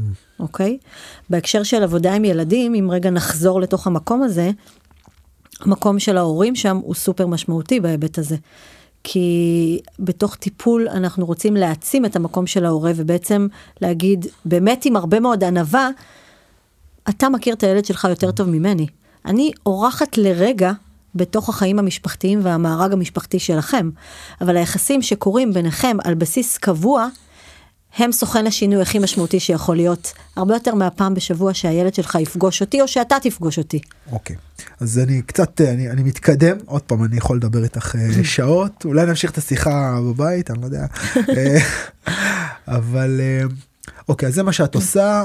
את, את בעצם גם את לומדת תואר שני. שהוא תואר שני בתנועה. מחקרי בטיפול בתנועה באוניברסיטת חיפה ש, ש, שזה בעצם מה נותן לך את הזכות לקרוא לעצמך מטפלת היום אם אני לא לומד אז אני, אני לא הלכתי לאוניברסיטת חיפה אני יכול לקרוא לעצמי מטפל אני עושה תהליכים טיפוליים אה, כולנו. התשובה כל- הרשמית היא ש, ש, שלא, שמי שמתעסק בזה ואין לו אה, הכשרה או לא, הוא לא יכול להיות מטפל. זאת אומרת, זה, שוב, אני, זה דברים מאוד אה, אפורים, אני, אבל זה צריך להיות מאוד ברור. אנשים שלא עברו הכשרה טיפולית, כדאי ורצוי שלא ישימו על עצמם את הכובע של מטפל. יש אחריות עצומה, עצומה, עצומה לדבר הזה. אף אחד לא באמת רוצה לשים את הכובע הזה עליו בלי שהוא מרגיש ויודע שהוא עשה את הדרך. הדרך הזאת היא מאוד מאוד משמעותית. וגם עשיתי את הדרך וכאילו קיבלתי את התעודה, האם זה הופך אותי למטפלת ממש טובה או שאני ממש יודעת מה אני עושה? ברור שלא, זה רק ההתחלה. בגלל זה אגב גם כל מטפל בעצם נמצא בתהליך גם של איזשהו עבודה אישית, בדרך כלל. עם supervisor. בדרך כלל עם, עם מישהו שבעצם בוחן אותו והוא נבחן איזושהי בחינה משותפת של העבודה, נכון? כאילו תקני אותי אם נכון, אני טועה. נכון, נכון, נכון, כל מטפל שבאמת מטפל, מקבל הדרכה ומקבל supervision, ואולי לפעמים מקבל גם טיפול בעצמו, זאת אומרת, אה, אנחנו אף פעם לא מפסיקים ללמוד, בטח כי גם התחום הזה כל כך משתנה, מתפתח, אני חושבת על מדעי המוח היום, כל התחום של חקר המוח, ואיך זה משפיע על עולם הטיפול, ברמת דברים שאנחנו פתאום מגלים היום. ומעבר לזה, זה מקום מאוד מאוד בודד. כאילו, את מול מט... מטופל שלך, מול ילד, שלפעמים מביא דברים מאוד מאוד קשים, נכון. או מול קבוצה טיפולית כאילו של, של חינוך מיוחד, זה תכנים קשים, זה, זה, זה, אתה יוצא מיום כזה, אתה יוצא סחוט, כאילו, ואז איפה אתה מהדהד את הדבר הזה שעברת עכשיו, כאילו, מה זה, זה, זה, זה באמת קרה הדבר הזה? כאילו, איפה אני כאילו באמת גם מוודא שלקחתי את ההחלטות הנכונות, כי הרבה פעמים אתה באמת לא יודע כאילו אם עשית את הדבר הנכון או לא. לגמרי, זה יהיה מאוד לא אחראי לטפל אה, בלי לקבל אה, הדרכה או supervision או ליווי תמיכתי אה, שעוזר למטפל עצמו. אה, א', לעשות ונטילציה. זה, זה, ו- זה סוג של סטנדרט זה בעולם. סוג של סטנדרט בעולם הטיפול. הטיפול, חד משמעית, אוקיי. לגמרי. כן. אז, אז אה, אני שם את זה שנייה בצד ואני, ואני פשוט מטעמי זמן, אז, אז בעצם עבודה טיפולית יכולה לקרות בשני, בשני מקומות, בשני מרחבים. מרחב אחד הוא המרחב הפרטי. נכון? את כמטפלת פתחת לעצמך קליניקה, אנשים מתחילים לשמוע עלייך, מגיע, מגיעים אלייך כאילו בכובע הזה. והמרחב השני הוא בעצם המרחב הציבורי, ממלכתי, אה, מערכתי, בוא נקרא לו, מרחב שהוא יותר גדול. ואיך העבודה מתבצעת שם? כי זה בעצם איזשהו סוג של מרחב שהוא, אה, כאילו, אנחנו, אני מדבר עליי, אני בסקטור הפרטי, מדריך בסקטור הפרטי, אני לא באמת מודע למה מה יש שם או איך זה קורה. זה אחד, ושתיים, אולי משהו שלא אמרנו, איפה, מתי, מתי קורה המעבר שלך הזה מטיפול בתנועה לתוך עבודה עם אומנויות לחימה או מדריכי לחימה, ולמה בכלל זה קורה, ומה הדרישה בכלל בתחום הזה למדריכי לחימה. כן, אז אולי באמת נסגור את החוליה הזאת בשרשרת. אמ, אז דיברנו על עולם של טיפול, ועל עולם של טיפול אה, באמצעות תנועה, ומתוך זה יש נישה עוד יותר צרה וספציפית של בעצם טיפול באמצעות אומנויות לחימה, שזה תחום שכרגע הוא, הוא, לא, באמת, אה, הוא לא באמת קיים, הוא קיים, אבל אין מסגרות ללמוד את זה. אמ, גם אם יש אנשים שעושים את זה, הם עושים את זה די בלי הכשרה. אוקיי? בארץ, כאילו בארץ אין בכלל, או יש ממש בקושי, וגם הבקושי הזה הוא לא מתוקנן, הוא לא בתוך גופים כאילו של... ש, זה ש... לא מסגרת לימודים ששייכת אה, למועצה להשכלה גבוהה. אין, אה, אין אקדמיזציה של התחום הזה עדיין, אוקיי? זאת אומרת, אין תואר. אם אתה רוצה היום לעשות תואר בזה, אין לך איפה ללמוד. לא קיים תואר של אה, טיפול באמצעות אומנויות לחימה. עכשיו, שוב, אני אנחנו, אומרת שוב, אנחנו זה עומדים בקשר עם כמה מוסדות בחו"ל, ששם זה טיפה יותר אה, מפותח, אבל גם לא מפותח, ברמה של תואר, זה לא לרמה, אקדמי. כאילו, כן. כן, זה לימודי תעודה, בדרך כלל זה יהיה לימודי תעודה, וזה לא אקדמי. אה, וגם ברמה מחקרית, זה תחום שהוא עוד לא מספיק חקור. באמת, יש פה, יש פה פוטנציאל עצום, אבל זה בחיתולים. אני ממש מרגישה שאנחנו בשלב מאוד מרגש. של אה, שינוי שהולך לקרות בתחום הזה, אה, מכמה סיבות, ואני אקשור את זה לשאלה ששאלת, אני חושבת שבתי ספר היום עוברים איזשהו שינוי משמעותי, שהם הולכים ומבינים שהמרחב החינוכי והמרחב הטיפולי הם הרבה יותר דומים מאשר שונים. ואנשי הוראה לא יכולים היום לעבוד ולהתנתק מזה שהם חייבים לרכוש כלים טיפוליים. זה לא יכול לעבוד יותר. השפה של ההוראה והשפה של הטיפול, זהו, זה מגיע למקום של צומת שהדברים חייבים להיפגש ולעבוד בהלימה אחת. כי בעצם מה שקורה בבתי ספר עד עכשיו זה שמורה הפך להיות מישהו שהוא אה, מעביר מידע. נכון? כאילו אתה מגיע לבית ספר, יש לך תקינה כזאת, כאילו בסופו של דבר הכל נבדד למול הבגרויות, ואז יש לך ציונים, ואז יש לך מבחנים, ויש חומר שהמורה צריך להעביר, והמורה מתעסק כל רוב הזמן בלהעביר את החומר הזה. אבל מצד שני, החינוך, כמו שאנחנו מדברים עליו, הוא לא רק העברה של חומר, החינוך הוא בעצם המערכת יחסים שנוצרת בין המורה לבין התלמיד, ו- ושם יש את העבודה החינוכית, הרגשית, המנטלית, הכאילו אמיתית. נכון מאוד, זאת אומרת שגם שם בקשר שבין מורה לכיתה זה מערכת יחסים, אבל צריך לדעת איך לנהל את מערכת היחסים הזאת, מה לעשות איתה. אלה תחומי ידע שזהו, שאני ממש מרגישה שאנחנו, אה, כבר, זה כבר קורה. Okay. אוקיי. מבחינתי הדבר הזה כבר קורה. ואז, ואז, ואז שני, שתי שאלות, אחד, איפה את מוצאת את עצמך כאילו מה אמניות לחימה למה אמניות לחימה ולא תנועה יפה, או לא מחול שם... אה, ושתיים איפה את מוצאת את עצמך כאילו מתחילה לעבוד עם המערכות האלה ומפתחת. אה, כן. אז ב, ב, בקליניקה הפרטית שלי שפתחתי אה, איכשהו יצא שהגיעו אליי הרבה יותר בנים מטופלים mm. מאשר בנות. ילדים צעירים אה, עם בעיות התנהגות ועם בעיות רגשיות אה, לא פשוטות בכלל, עם הרבה מאוד אתגרים, ילדים מאוד לא מבוסתים, ילדים עם אה, ויסות חושי מאתגר במיוחד, מה, מה עם זה, ויסות מה זה, רגשי. מה זה ויסות חושי? ויסות חושי זה בעצם המקום שבו אה, החושים שלנו או ב over קליטה או בתת קליטה, או ב over עוררות או בתת עוררות, מה שמאפשר לנו חוויה לא כל כך uh, מאוזנת של כל מה שבא אלינו מבחוץ, אוקיי? זה מזכיר לי אותי שהייתי ילד. זה, זה, זה בדיוק המקום הזה שאתה לומד פסיכולוגיה, נכון? ואז לגמרי, אתה מתחיל ואז אתה מתחיל להשליך אה, על עצמך את כל ההפרעות האפשריות. לא. ואגב, בדיוק במקום הזה היום של, של ילדים שגדלים מול מסך, ובעצם גדלים בניכור מהגוף שלהם. אז פתאום אחרי שהוא ישב וראה שלוש וארבע שעות מסך, פתאום החוויה החושית מציפה. נכון? וההצפה הזאת, כאילו כשמשהו מציף אותך זה גולש, זה לא יכול להציף. ו... נכון, אז תחשוב על ילדים שהם, אה, בוא נגיד 90% מהזמן שלהם הם בחוויית הצפה, והסיר גולש. כל וה... הזמן. כל הזמן. אז תחשוב עליהם, תחשוב על החוויה שלהם למול הסביבה שלהם, תחשוב על ילד כזה בתוך כיתה, תחשוב על המורה של הילד הזה, על החברים של הילד הזה ועל אימא של הילד הזה. מאוד מאוד מאוד מאוד מורכב. כל החוויה הפנימית של הילד הזה ושל היחסים שלו מול העולם, היא בעצם חוויה לא חיובית. היא בעצם חוויה לא חיובית ולא מאוזנת בעליל. ועוד פעמים אנחנו מדברים על החלון הזדמנויות הזה שבו התפיסה העצמית של הילד מתעצבת. אז, אז היא מתעצבת נוכח האווירה הזאת, נוכח הדבר לגמרי. הזה, ואיזה איזה, איזה משבר זה לכל, לכל ה... זה משבר לכולם וזה גם משבר שלא כל כך קל לפתור אותו, זאת אומרת זה, זה ברגע שלא תופסים את זה בזמן ולא נותנים לזה מענה, זה, זה לא נעלם לשום מקום. זה דברים שבסופו של דבר אנחנו מלמדים את הילדים לעדן אה, ולחיות עם, mm. וגם את הסביבה שלהם, זה מה שאנחנו מלמדים. אנחנו לא משנים את הדפוסים האלה, זה, ילדים נולדים עם פרופיל סנסורי מסוים, וצריך ללמוד אותו, וצריך להבין איך לעבוד איתו בתנאים מיטיבים, מה הסביבה יכולה לעשות עבור הילד, ואיך הילד יכול להסתגל קצת יותר טוב לסביבה. זאת בעצם העבודה. אני חוזרת לסיפור של האומנויות לחימה, כי מגיעים אליי כל הילדים ה...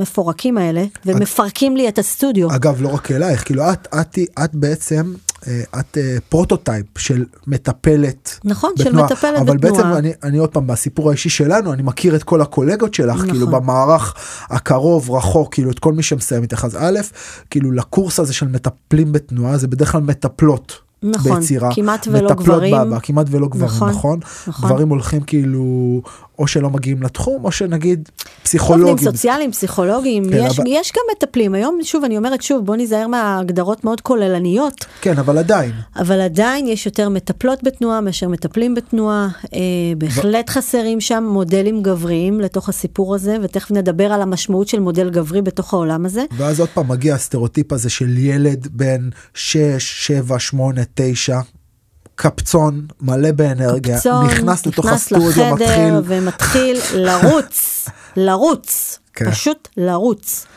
אה, ולתוך המקום הזה אחד, כל הפנטזיה של המטפלת בתנועה שבי, של כן. תבוא, תבוא לי הילדה הזאת ואני אעשה איתה תנועה אותנטית ואני אנחה אותה עכשיו לתוך איזה תהליך של אימפרוביזציה מדהים, איפה זה ואיפה מה? שאני פוגשת. ואז את מתחילה לשאול אותי.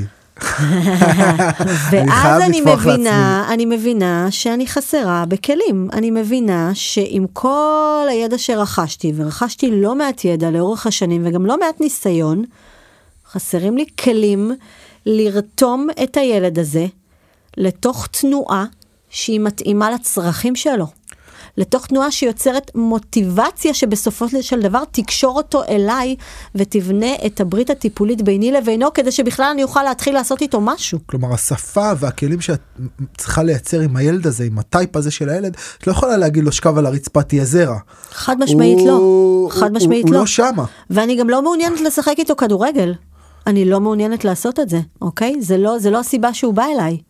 אני רוצה למצוא דרכים יותר אינטליגנטיות, יותר יעילות, יותר יצירתיות, לדבר עם הגוף שלו, לתקשר איתו באמצעות הגוף שלו. ואז בעצם האומנויות לחימה, ואז במקום הזה, האומנויות לחימה בעצם נותנות מענה אה, די מדהים, האמת, די מדהים, לתוך הסיפור הזה של עבודה עם ילדים, בנים, לא רק בנות, אבל גם בנות, כי גם בנות היום לגמרי בעניין שמה. של אומנויות לחימה, ממש. אה, ואז אני אומרת, אוקיי, נדלק לי איזה כפתור, ואני אומרת, שנייה רגע, שנייה, הדבר הזה הוא עם פוטנציאל אדיר טיפולי.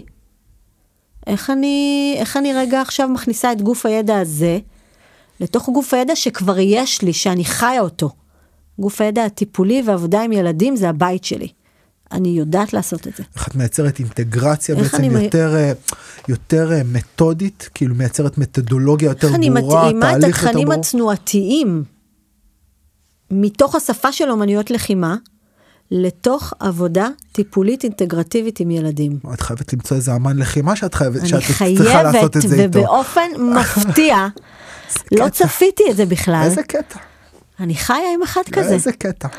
אז אה, אוקיי, אז מה את עושה בעצם? אז מה, מה מתחילה להיות העבודה שלך?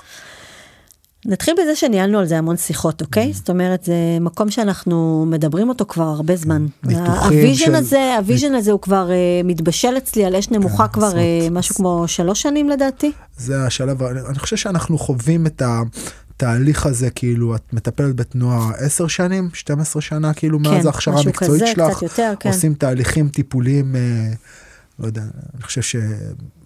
15-17 שנה כאילו אנחנו נמצאים בכל מיני תהליכים כאלה ואז בעצם יש איזשהו שיח מתמשך על uh, מקרים שאנחנו מביאים על על איך לעשות על איך לפתור נכון, על איך יש איזושהי הפריה הדדית, אוקיי? ש- שעזרנו אחד לשני כל השנים איזשהו האלה. תהליך שמתגבש כאילו לאורך המון המון זמן בעצם איזשהו סוג של אה, מתודה כאילו ככל שבעצם אתה, אתה רוכש יותר מקרים ותגובות ומנהל יותר שיח על מקרים ספציפיים ומהם אתה גוזר עקרונות עבודה ומהעקרונות עבודה אתה מייצר שיטת עבודה ואז כאילו בעצם מתגבשת פה איזושהי הבנה של איך איך איך לעשות את הדברים כאילו ואז אחרי שאתה בוחן את הדברים ב, ב, כאילו במרחב הפרטי שלך על המון המון המון המון אה, המון כאילו אה, מטופלים, פציינטים, קבוצות, כי עוד פעם, גם בתוך עבודה שהיא לא טיפולית, אתה משתמש בכלים טיפוליים או, ב, או ב, בהמשגה טיפולית, גם אם זה לא טיפול פרסה. זה, זה, זה דגש מאוד מאוד משמעותי. אני, אני, אני רוצה רגע שתגיד לי אם אתה רוצה שנעבור לדבר על התוכנית הכשרה, או שאתה רוצה שנדבר רגע על החיבור של מה אנחנו עושים היום בבתי ספר. אז בוא, בוא נדבר מ, מ, מתוך הבתי ספר ו, ונבין שנייה איך זה קורה וננסה לרוץ על הדברים כדי כאילו ככה לדחוף את הכל. אז, אז, אז אוקיי, אז, אז, אז, אז מה את עושה בבתי ספר? מצוין. אז uh, בעצם אנחנו מבינים שיש לנו כלי יקר מפז בידיים, אנחנו גם מבינים שיש לנו אנשים מספיק טובים ומוכשרים, כי אתה שייפת את הכלי שלך כ... אה, מורה לאומנויות לחימה, אה, כמו שאני שייפתי את הכלי שלי כמורה למחול יצירתי לילדים, במשך הרבה מאוד מאוד מאוד שנים. אה, ולתוך הדבר הזה אנחנו מבינים שבגוף העבודה שלנו יש היבטים טיפוליים, אנחנו לא יכולים להתעלם מזה, אוקיי? ואז אנחנו מתחילים לחבר את גופי הידע האלה. ואז נקראת בדרכנו ההזדמנות, אני לא, לא, לא יודעת אם אתה זוכר בעצם איך זה התחיל, אבל זה התחיל בעצם מאיזה סדנה שהזמינו אותך להעביר אה, לילדים, אה, אתה זוכר? לא, בבית ספר בתל אביב, שביקשו שנעביר שם סדנה לשתי קבוצות ילדים, אה, ילדי חינוך מיוחד, mm, שהם אה, נכון. הולכים לעבור איזשהו תהליך של שילוב. נכון, וואו. חלקם על הרצף האוטיסטי, חלקם אה, כל מיני הגדרות, באמת הגדרות שונות ומשונות. לדעתי זה היה לפני איזה עשר שנים, נכון? וזה היה משהו כאילו, זה היה... עשר שנים? כן, וואו. משהו כזה, כן. אולי טיפה פחות. 103. נכון, הם הגיעו אלינו לדעתי לסטודיו. שנים, וזה היה באמת משהו שלא עשו עד אז. נכון? לקחת קבוצה, כאילו, לקחת כיתה של חינוך מיוחד וכיתה של חינוך רגיל, נכון, ולהעביר אותם ולהעביר איזשהו אותם תהליך איזשהו של שילוב. יחד. זה היה ממש אה, מוד, עכשיו זה כאילו... עוד זה... לפני שכל הדיבור על שילוב והכלה בדיוק. נכנס למשרד החינוך, כי היום זה כבר דברים מאוד אה, שילוב מדוברים. והכלה בעצם שילוב של מערכות של חינוך מיוחד בתוך מע- מערכות כאילו כאילו נורמטיביות. סוג של אומר. מהלך של בעצם להפחית אה, עד כדי להוריד את הכיתות הקטנות בבתי הספר, בתי ספר שהם בתי ספר עם כיתות רגילות ובתוכם יש כיתות של חינוך מיוחד ובעצם הניסיון להבין האם אפשר להטמיע את ילדי החינוך המיוחד לתוך כיתות האם הרגילות. זה איזשהו מהלך שמשרד החינוך אה, הולך עליו בשנים האחרונות, יש עם זה כל מיני מורכבויות, לא ניכנס לזה. ואז זה היה, זה היה קבוצות גדולות יחסית, בנינו את הסדנה הזאתי, אה, הבאנו, אה, הבאתי אה, אה, עוזרי, עוזרי מדריך, כאילו מדריכים שעבדו שלא היה להם רקע טיפולי, שילבנו אותם בתוך הדבר הזה, ו- וזה היה כאילו וואו, זה היה הצלחה, זאת המורות הייתה שם היו... הצלחה, המורות, אה, כן, כל מי שנכח כאילו המערך בעצם, הממסדי בעצם, נכון. פתאום היה... פתאום כ- ראה משהו. ח- חלק מהתנאי בסדנה היה שה... מחנכות שה- יצטרפו שהמחנכות וישתתפו. יהיו חלק מהסדנה, העברנו את הדבר הזה וכולם כאילו, זה עם הרבה חששות, כי עוד פעם זה לא משהו שנעשה, ועשינו את, ה, את, הס, את הסדנאות הזה, זה היה רצף של כמה סדנאות, נכון? תהליכי כזה, ובסוף לא זה... מאוד ארוך, זה לא מאוד, שוב, של- אבל כן, שלושה סדנא- מפגשים. ש- שלושה כן, מפגשים, כן. אבל בסוף זה היה כאילו מעבר לכל הציפיות של כולם. נכון. המורות שבאו עם המון חשש, כי בעצם מה שאתה פוגש הרבה פעמים מהממסד, שאתה בא להגיד, אני בא להעביר עכשיו אומנויות לחימה, למי אתה בא להעביר את זה? לילדים לא מבוסתים. או לילדים בחינוך מיוחד, או לילדים בשילוב, אז מה ישר הם אומרים? הילד ילמד פה איך לבעוט, ואז הוא ישתמש הוא בזה יצא בהפסקה, הוא בהפסקה. ירביץ, גם ככה הוא מרביץ, גם ככה הוא אלים, גם נכון, ככה הוא לא זה אחד. החששות שעולים, נכון. אז אלה החששות שהגענו איתם לתוך הסדנה הזאת, אבל בסוף בעצם מה שקרה זה שבדיוק נוצר איזשהו קשר כזה, דרך התנועה, דרך המגע, דרך הזה, וכולם היו בוואו, והבנו שיש פה שנייה איזה משהו שאנחנו לא יודעים לגמרי מה קורה פה, אבל קורה פה משהו, משהו מאוד מאוד מיוחד. נכון, אה, ומאותה סדנה כבר התבשל לנו איזשהו רעיון של אוקיי, הדבר הזה זה נכון שהוא יקרה במרחבים חינוכיים ציבוריים ולא רק במרחב הפרטי שלנו, המטופלים שלי, ילדים שבאים אליך, אלא איך בעצם, איזה מדהים אם בתוך בתי ספר יוכלו להיות מפגשים כאלה, בתוך הכיתות. אוקיי, אז עכשיו, ואז נוצר הלינקיסט לבתי ספר, ואז תספרי לי קצת על העבודה שלכם בבתי ספר, איך זה קורה? איך ש- הממסד, איך המנהלות בכלל מגיבות לזה היום? כי את מגיעה לבית ספר חדש, מה, מה זה קורה? בזמננו, לפני 10-15 שנה, זה היה כזה שיחת מכירה כאילו קשוחה הרבה פעמים. אה, אז היום זה מנוהל קצת אחרת, בעצם אה, בתי ספר מגיעים אליי ולא אני אליהם. יש אה, אה, מאגר תוכניות למשרד החינוך, שבו עוברים איזשהו תהליך מאוד מסודר של רישום ושל אה, התוכנית צריכה בעצם להיבחן בכל מיני סטנדרטים ולראות שהיא באמת אה, מתאימה. אני יש- כמדריך, אני כמדריך פרטי יכול אה, להגיש לזה? אני יכול לגשת לזה? לא, אתה לא יכול לגשת לזה, כי אתה, זה תלוי לאיזה תוכנית, יש תוכניות מסוימות שאתה יכול, אבל בעצם אנחנו אה, הגשנו את התוכנית בכובע של תוכנית אה, טיפולית. ואם אתה מגיש אותה בכובע של תוכנית טיפולית, זה חייב לעמוד בסטנדרטים שיש אנשי טיפול מוכשרים בהגדרה עם אה, תעודת מטפל ועם התארים הנדרשים. זאת אומרת, רק אנשים שהם אה, עם תארים שניים יכולים בכלל לגשת לסיפור הזה. רק אנשי טיפול by אנשי טיפול, by בהגדרה. definition, כן, כן, כן, ושאני חושבת שזה חשוב מאוד, דרך אגב, אני חושבת שכל התהליך של פיקוח על תוכניות הוא דבר. מאוד משמעותי, לא ייתכן שכל איש נחמד וטוב בדרך, שיש לו איזה רעיון או איזה סטארט-אפ, ייכנס למערכת החינוך ויתחיל לעשות שם ככל העולה על רוחו, זה חייב להיות מפוקח, ו... וזאת הדרך, אין דרך אחרת לעשות את הדברים, זה צריך להיות מפוקח. שנייה, ואני היום לשם הצורך למדתי אה, אה, פסיכולוגיה, יש לי תואר ראשון בפסיכולוגיה, או תואר ראשון בעבודה סוציאלית, או לא יודע, אני למדתי אה, אה, ארבע שנים דיקור ב- ב- ברידמן, אני מטפל, או עשיתי, אה, יש לי תואר ב... אני פיזיותרפיסט, אני פיזיותרפיסט מוסמך, אני יכול להיות כאילו מטפל בסוג כזה של כאילו להגיש תוכנית כזאתי? אה, אז אני אומרת שוב, יש שם כמה מסלולים ומסלולים שונים, יש מסלולים שאולי הדלת שם פתוחה, אבל כל המסלולים שהם מתעסקים בתחומים, אה, מה שנקרא אה, רגשי רווחתי, זה תחומים מאוד מאוד שמורים, זה תחומים שיש עליהם פיקוח הרבה יותר מוגבר, וזה תחומים שאם אין לך את התעודות המתאימות ואת ההכשרה המתאימה, אתה לא יכול. פשוט ולעניין. לתוך הנישה הזאת נכנסנו ובעצם יש לנו, בנינו תוכנית שנקראת איתן ברוח, וזו תוכנית שהיא אה, עדיין חדשה, אנחנו בסך הכל שנתיים עובדים בתוך המערכת. בצורה הזאת, אה, בפורמט בצורה הזה. הזאת, בפורמט הזה. זו תוכנית שהיא אה, בתחילת דרכה עבדה רק עם כיתות שעוברות שילוב והכלה, או כיתות שהן כיתות קטנות, כיתות חינוך מיוחד. והמטרות של התוכנית הזאת היו בעצם לטפח ולפתח מיומנויות של שליטה וויסות עצמי אה, בקרב חברי הקבוצה שאיתה אנחנו עובדים. למה דווקא המיומנויות האלה? כי אלה מיומנויות בסיסיות. אם, אם אין אה, יכולת פעם, איזה- בסיסית, איזה, איזה מיומנויות עוד פעם? ויסות עצמי כן. ושליטה. כשאני אומרת שליטה, אני מדברת על היכולת להתאפק, אני מדברת על היכולת הבסיסית רגע לעצור. רגע לעצור. לעצ- לעצור את התגובה, לעצור את התנועה, לעצור את התנועה הפנימית, רגע כן. לעצור. כשאנחנו מדברים בעצם על כיתות כאלה עוד פעם הרבה פעמים במקומות אה, כאילו אנחנו עובדים גם בצפון תל אביב אבל בוא נגיד את יודעת דרום תל אביב עובדים או לפעמים ילדים שהם, שהם ילדים למהגרי עבודה ילדים עם, עם בעיות רגשיות כאילו כשאנחנו, כשאנחנו אומרים ויסות ושליטה אנחנו מדברים על ילד בכיתה א' ש, שמרים כיסא וזורק על מורה פעם בשבוע. כן, כן, בהחלט גם על מקרים כאלה יש אה, קשת של- רחבה של... או על אה, מקרים של ילד בכיתה ב' או ג' שפשוט אה, לא יודע לשלוט רגשית בתגובות שלו כאילו אז אם מישהו לוקח לו משהו הוא ישכב על הרצפה ויבכה כמו ילד בן שלוש הוא ייכנס להתקף טנטרום. מדברים על ילדים אה, שהרבה פעמים סף התסכול שלהם הוא מאוד מאוד מאוד נמוך, והם למעשה אף פעם לא למדו, וגם לא היו בסביבה שמעודדת כל כך למידה של ויסות. לא תמיד יתאפשר להם, זה לא, זה, זה משהו נלמד, אוקיי? זה יכול, זאת מיומנות שאנחנו מפתחים אותה מה, מהרגע שאנחנו נולדים למול היחסים שלנו עם דמות המטפל המרכזית, עם האימא, וזה כל כך הרבה גורמים משפיעים על מיומנויות של ויסות, כל כך הרבה גורמים שמשפיעים.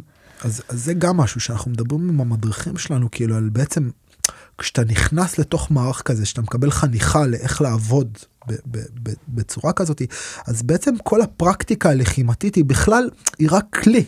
היא לא מטרה המטרה בעצם בשפה הטיפולית היא לבנות את המיומנות הזאת וה, וה, והטכניקה היא רק כלי לי זה משהו כ, כמדריך לחימה שהטכניקה או המטרה כאילו הלחימתית היא הרבה פעמים איזשהו זה מה שחונכתי לאורך נכון. השנים לקבל פתאום השינוי של הפריזמה הזה והלימוד של איך אני חושב בעצם אמ, איך אני חושב מונחים או שפה טיפולית בתוך העבודה שלי הוא, הוא זאת העבודה. כן. זאת בעצם העבודה, ואמרת פה דבר מאוד משמעותי, שמחבר אותי גם לשאלה האחרונה ששאלת לגבי... אמ, מה, מה בעצם ההבדל בין מדריך אומנויות לחימה לבין אה, מדריך אומנויות לחימה באוריינטציה טיפולית שעובד איתי כרגע בקבוצות שאנחנו עושים בבתי ספר. זה דבר מאוד משמעותי, בעצם לוותר על המקום המרכזי שמקבל את האומנות לחימה כמטרה, כי זה לא מטרה, זה בעצם בסך הכל הכלי. עכשיו זה לא רק בסך הכל, כי זה כלי, כי הכלי מגדיר. הכלי מגדיר את הדרך חד כן. משמעית. זאת אומרת, ובגלל הכלי זה זה פה הוא כלי כל מאוד כך משמעותי. מוצלח, כאילו, כי הוא, כי הוא בדיוק, בעצם מאפשר בדיוק. לילדים האלה להביא את עצמם לידי ביטוי ולשחרר משהו, כאילו, ולהיות משהו אחר. וללמוד אבל, ולתרגל, זאת אומרת התרגול הספציפי הזה הוא קריטי למה שאנחנו רוצים ללמד. ואני חושבת שהוא מאוד מאוד מאוד יעיל לעומת דרכים אחרות, יש הרבה דרכים יעילות, אבל ספציפית פה מה שבעצם אנחנו מגלים ורואים שיש איזושהי הלימה מאוד יפה בין הכלי לבין המטרות שאליהן בסופו של דבר אנחנו רוצים להגיע. יש פה משהו שעובד מאוד מאוד מאוד טוב. אז, אז היום איך, איך, איך המנהלות, איך משרד החינוך, איך כאילו, איך, איך, איך בעצם הממסד למול סוג כזה של פרויקטים? היום יש המון פתיחות אה, לפרויקטים מהסוג הזה, אבל שוב, הכל מבוסס אינטראקציה ומערכות יחסים שאני כמנהלת הפרויקט הזה, או מישהו מטעמי לצורך העניין בחלק מהפגישות האלה, גם אתה ישבת עם מפקחות ועם מנהלות, מה אנחנו מביאים לשם, מה אנחנו מייצרים. אוקיי, בסופו של דבר העולם שאנחנו חיים בו עובד על משהו מאוד פשוט, על מערכות יחסים. המ- המפקחות היום כאילו שאחראיות בעצם על אישור של דברים כאלה איך איך איך הם הם, הם אנשים כאילו מקצועיים הם יודעות על מה את מדברת הם בוחנות אותך באיזה עיניים כאילו את מדברת איתם ומה מה קורה שם. זה מאוד תלוי אם יש למפקחת הזאת נכד שמתאמן באומנויות לחימה ובמקרה הנכד הזה מתאמן באיזה סטודיו טוב עם איזה מחנך שהוא דמות משמעותית עבורו אז יש לה יותר אפשרות להבין על מה אני מדברת. ואם לא אז לא אז היא תצטרך לשבת במפגשים פעם פעמיים שלוש ולקלוט מה קורה שם. זה כן שיח חדש במובן הזה של להכניס את הכלי הזה לתוך מרחב חינוכי ולהגיד אנחנו לא מטפלים אנחנו לא עושים פה עבודה של מטפל, עבודה רגשית עבוד, כאילו. אבל אנחנו כן משתמשים אה, בכלים מעולם הטיפול ואנחנו מייצרים אינטגרציה בין היבטים טיפוליים לתוך עבודה חינוכית רגשית עם הילדים האלה. ואני שוב חוזרת לדבר הסופר משמעותי הזה של להתחיל לחבר את השפה. אני רוצה שמחנכת כיתה שאני עובדת עם הכיתה שלה, אני רוצה שנדבר את אותה שפה. אני רוצה שהאופן שבו אני מתווכת לילדים בזמן מפגש מה קורה, קושי שעולה, אני רוצה שהיא תעשה את אותו דבר בהפסקה או בכיתה גם כשאני לא נמצאת. אז בעצם העבודה שלך היא גם מול הסגל ובמובן הזה את לא נכנסת כדי לתת עוד שעה של חוג או פורקן לילדים אלא את ממש רוצה לייצר איזשהו שינוי גם בשפה של הילדים כלפי עצמם וגם בשפה של הסגל כאילו ו- ובעצם היכולת שלהם לדבר איזושהי שפה משותפת. ללא ספק זה האידיאל של התוכנית הזאתי. האידיאל של התוכנית הזאת זה באמת לעשות עבודה מערכתית ולא נקודתית. עבודה מערכתית זה אומר איך התוכנית הזאתי מקבלת מקום למול מחנכות, למול הצוות הטיפולי בבית הספר, למול מנהלת בית הספר, וגם למול ההורים של אותם ילדים.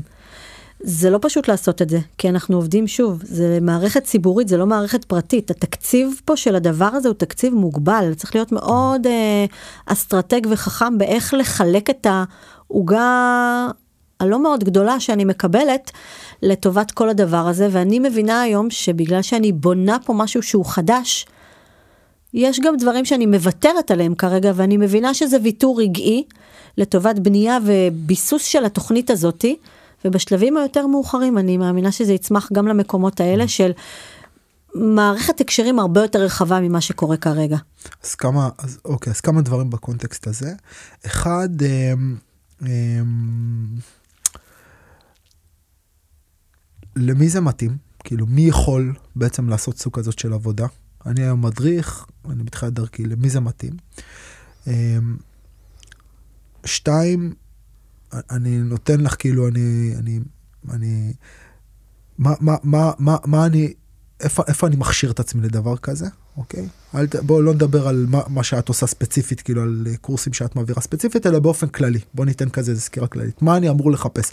אני מדריך אני רוצה בעצם אני מבין שאני רוצה לעשות אומנויות לחימה אבל אני לא רוצה לעשות את זה רק. כלומר אני גם רוצה להשתלב במשהו כזה. מה זה דורש ממני? ושתיים מה מה מה אני מקבל מזה כלומר אה, מה אני מקבל מזה גם לי כמדריך או לי כמאמן איזה כלים אני מקבל מזה וגם חומרית מה זה יכול לתת לי. אה, אני פשוט כאילו כן למה רוצ- שווה לי? למה כדאי לי כן, לעשות את כן, זה? כן, כן, כן. בדיוק. אז אני אתחיל בזה שזה קודם כל אה, תחום שהוא מיועד אה, למדריכי אומנויות לחימה שהם כבר בתוך, הם שוחים בתוך התחום ידע הזה של אומנויות לחימה, הם כבר בתוך הדבר הזה. זה לא אומר שהם כבר מדריכים בפועל עשר שנים, זה גם יכול להיות מישהו שהוא אה, מדריך רק שנה, אבל הפאשן שלו, התשוקה שלו, נמצאת שם. הוא מבין את הכלי הזה, הוא מבין, הוא אוהב להיות מדריך אומנויות לחימה, הוא רוצה להיות מדריך אומנויות לחימה, הוא מבין את הערך ואת המשמעות שיש לדבר הזה. אוקיי? זה קודם כל. צריך שם איזשהו חיבור אישי ונגיעה כדי לרצות לעשות את זה. אמ, זה מתאים לאנשים שמבינים שהם עושים הרבה מעבר לללמד טכניקה כזאת או אחרת. הם מבינים שאומנויות לחימה זה סוג של, אה, אתה אומר את זה הרבה, שזה סוג של דרך חיים, שזה בעצם איזושהי פלטפורמה שמאפשרת לנו להגיע לילדים וללמד אותם, או לאפשר להם לצמוח אה, כבני אדם יותר טובים, בכל מיני היבטים ותחומים. אני לא ארחיב, אתה הרחבת המון בנקודה הזאת בפודקאסטים הנוספים שעשית בהיבט הזה של איזה, איזה משמעות ואיזה ערך ואיזה תרומה יש לאומנויות לחימה כדרך חיים בחיים של ילד, אוקיי? אז מי שמגיע אלינו זה באמת אנשים שמבינים את זה ורואים את התועלת שיש בדבר הזה. כלומר התנאי הבסיסי זה כאילו חיבור עמוק לתוך, ה, לתוך ההבנה שהכלי הזה הוא, הוא שזור בתוך החיים שלהם והוא יכול להיות משהו שמשפיע לעומק על חיים של התלמידים שלהם. לגמרי. אוקיי. וכן הייתי אומרת אנשים ש... מחוברים באיזשהו אופן גם אה, לצדדים טיפוליים, אוקיי? Mm. יש להם צד כזה של להיות דמות מיטיבה עבור אחרים. זה לא אומר להיות מטפל, אוקיי? יש הרבה מאוד דרכים להיות דמות מיטיבה עבור מישהו בחיים שלך, בלי שיש לך את הכובע של מטפל, אוקיי? כזה או אחר. כאילו, אז את בעצם עושה איזושהי הבחנה בין עבודה עם אספקטים טיפוליים לבין מטפל חד משמעית, אנחנו כרגע בקונסטלציה הנוכחית שאנחנו עומדים בה היום, אנחנו לא הולכים להכשיר מטפלים. עדיין לא. יכול להיות שגם השלב הזה בתוכנית יגיע. ווואו, השמיים הם הגבול, באמת. אגב, הרבה פעמים את, את, אנחנו נקבל ילדים שמפנים אלינו פסיכולוגים, או, או, אמ, כי הכלים או שיש יועצות. לך, כי הכלים שיש לך היום, או הכלים שאני רוצה לתת למדריכים שיבואו ללמוד בתוכנית ההכשרה הם, הזאת, הם כלים שאין לפסיכולוג. הם כלים סופר יעילים שאין אותם לפסיכולוגים. זאת אומרת, mm. פסיכולוג יש לו את הכלים שלו, אין לו מושג איך לעשות עבודה תנועתית עם ילדים. ויש ילדים שזה מה שהם צריכים. ואז, ואז הרבה פעמים יהיה איזשהו שיח מול הפסיכולוג, נכון. והעבודה שלך מול הילד, לגמרי. ואז עוד פעם איזשהו שיח, כאילו יש שם איזשהו ליווי, אבל, אבל בעצם הפסיכולוג או המחנכת או השפ"ח או לא משנה, הם, הם צריכים הם את זקוקים את הס... לשירות כן. הזה, השירות הזה הוא שירות שאנשי טיפול לא יודעים לתת אותו, כי להם חסר את מה mm. שלך יש. כן. אתה גדלת בתוך הסטודיו, אתה מבין עבודת גוף ברמות שהרבה פסיכולוגים לא יכולים להבין. שוב, לא להוריד מערך העבודה המדהימה שפסיכולוגים עושים, זה לא קשור. זה דיסציפלינה נוספת שנותנת הרבה מקום לעבודה תנועתית גופנית, ומבינה את האספקטים של הדבר הזה על בוריה. ולכן אני חושבת שיש לכלי הזה משמעות אה, מדהימה. אני... אז, אז בן אדם יוצא מקורס כזה, מדריך יוצא מקורס כזה, ומה, יש לו יותר כלים? מה, השפה שלו משתנה? חד מה... משמעית, חד משמעית. אחד, קודם כל הוא מקבל איזשהו בסיס תיאורטי שיש לו אה, להישען עליו, שכיום למדריכי אומנויות לחימה אין להם איפה, הם לא לומדים את זה, זה לא גוף הידע שלהם. אולי הם למדו מתודיקה להוראה, אוקיי? כל הקורסים שאתם עושים, או קורסי הדרכה וכולי. פסיכולוגיה, כאילו 20 שעות פסיכולוגיה, כן, כאילו... כן, שגם היא מרוכזת באולי פסיכולוגיה של הספורט, או זאת אומרת, דברים מאוד מאוד מאוד נקודתיים, אבל אתה בא לעבוד עם ילדים, א', ב', אתה חייב להבין התפתחות רגשית של ילדים, חובה. מה זה התקשרות? חובה. מה זה ויסות? שאלת אותי קודם על ויסות חושי. כל מיני אה, אה, אה, מופעים של לקויות וקשיים שאנחנו פוגשים כשאנחנו עובדים עם ילדים, איך אני יכול לגשת לזה בלי להבין בכלל מה אני רואה, מה עומד מולי, אוקיי? אז הרקע התיאורטי פה הוא חובה מבחינת ליצור שפה משותפת ותשתית מספיק רחבה, שאנחנו יכולים להתחיל להבין, אחד, מה אנחנו רואים, שתיים, מה אנחנו עושים עם מה שאנחנו רואים, אוקיי?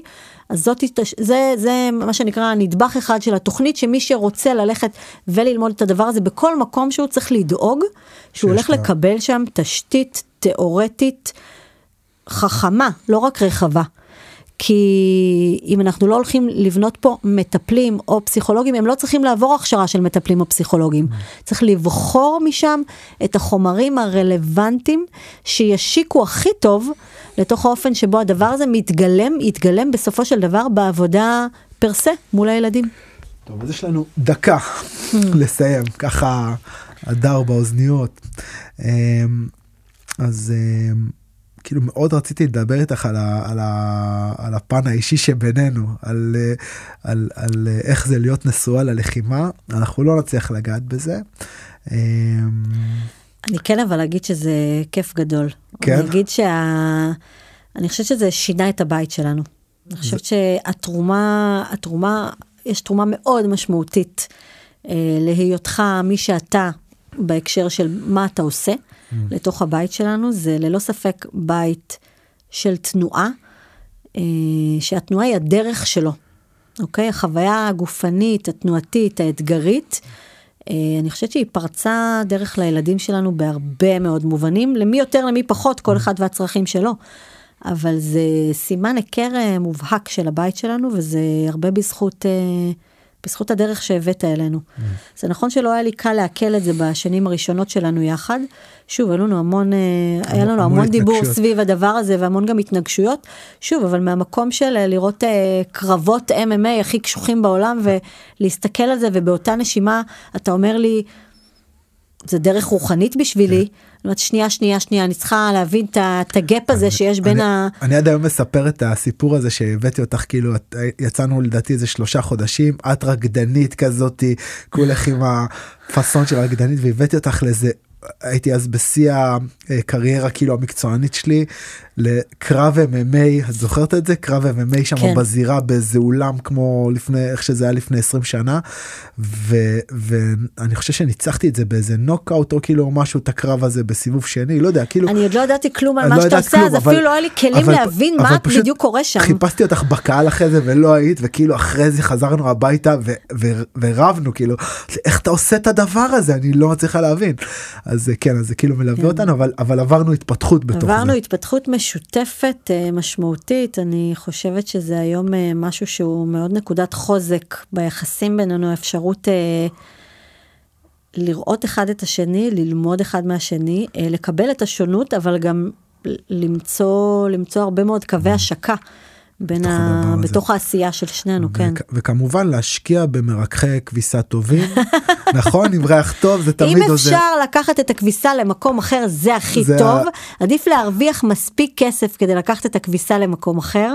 מכונת כביסה במכון. או, או לפחות להפריד את הסלים, להפריד את הסלים. שמעת עופר, מכונת כביסה במכון. אבל רגע, אנחנו לא יכולים לסיים את הפודקאסט הזה בלי שאני מוציאה פה איזה קריאה רגע מאוד חשובה. אני באמת, אה, כל מי ששומע את הפודקאסט הזה, והדברים שלנו מהדהדים לו, וזה מאיר אצלו את הניצוץ אה, של המקום הטיפולי, של המקום של העשייה המיטיבה, של המקום של המדריך אומנויות לחימה הגבוה שבו. Mm. אה, אני ממש מזמינה אתכם אה, ליצור קשר אה, איתי, עם ערן, אה, כי כן הולכת להיפתח תוכנית אה, בשנה הבאה.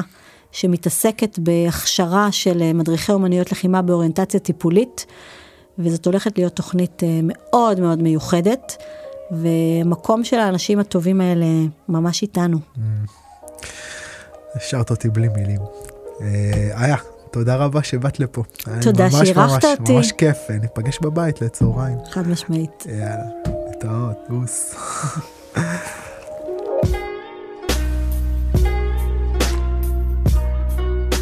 חברים, תודה רבה שהקשבתם לנו עד כאן. אתם מוזמנים לעקוב אחרי הערוץ, להצטרף לקהילה בפייסבוק, שם אנחנו מעלים קטעים מתוך הפרקים, וגם כל מיני דברים אה, אה, מעניינים שאני נתקל בהם, או ששולחים לי. אם אגב אתם אה, נתקלים בקטע מעניין שנראה לכם אה, רלוונטי או אקטואלי לקהילה, אז אתם ממש מושל... מוזמנים לשלוח לי ואני אשתדל לשתף. תודה לכולם, נשתמע בשבוע הבא.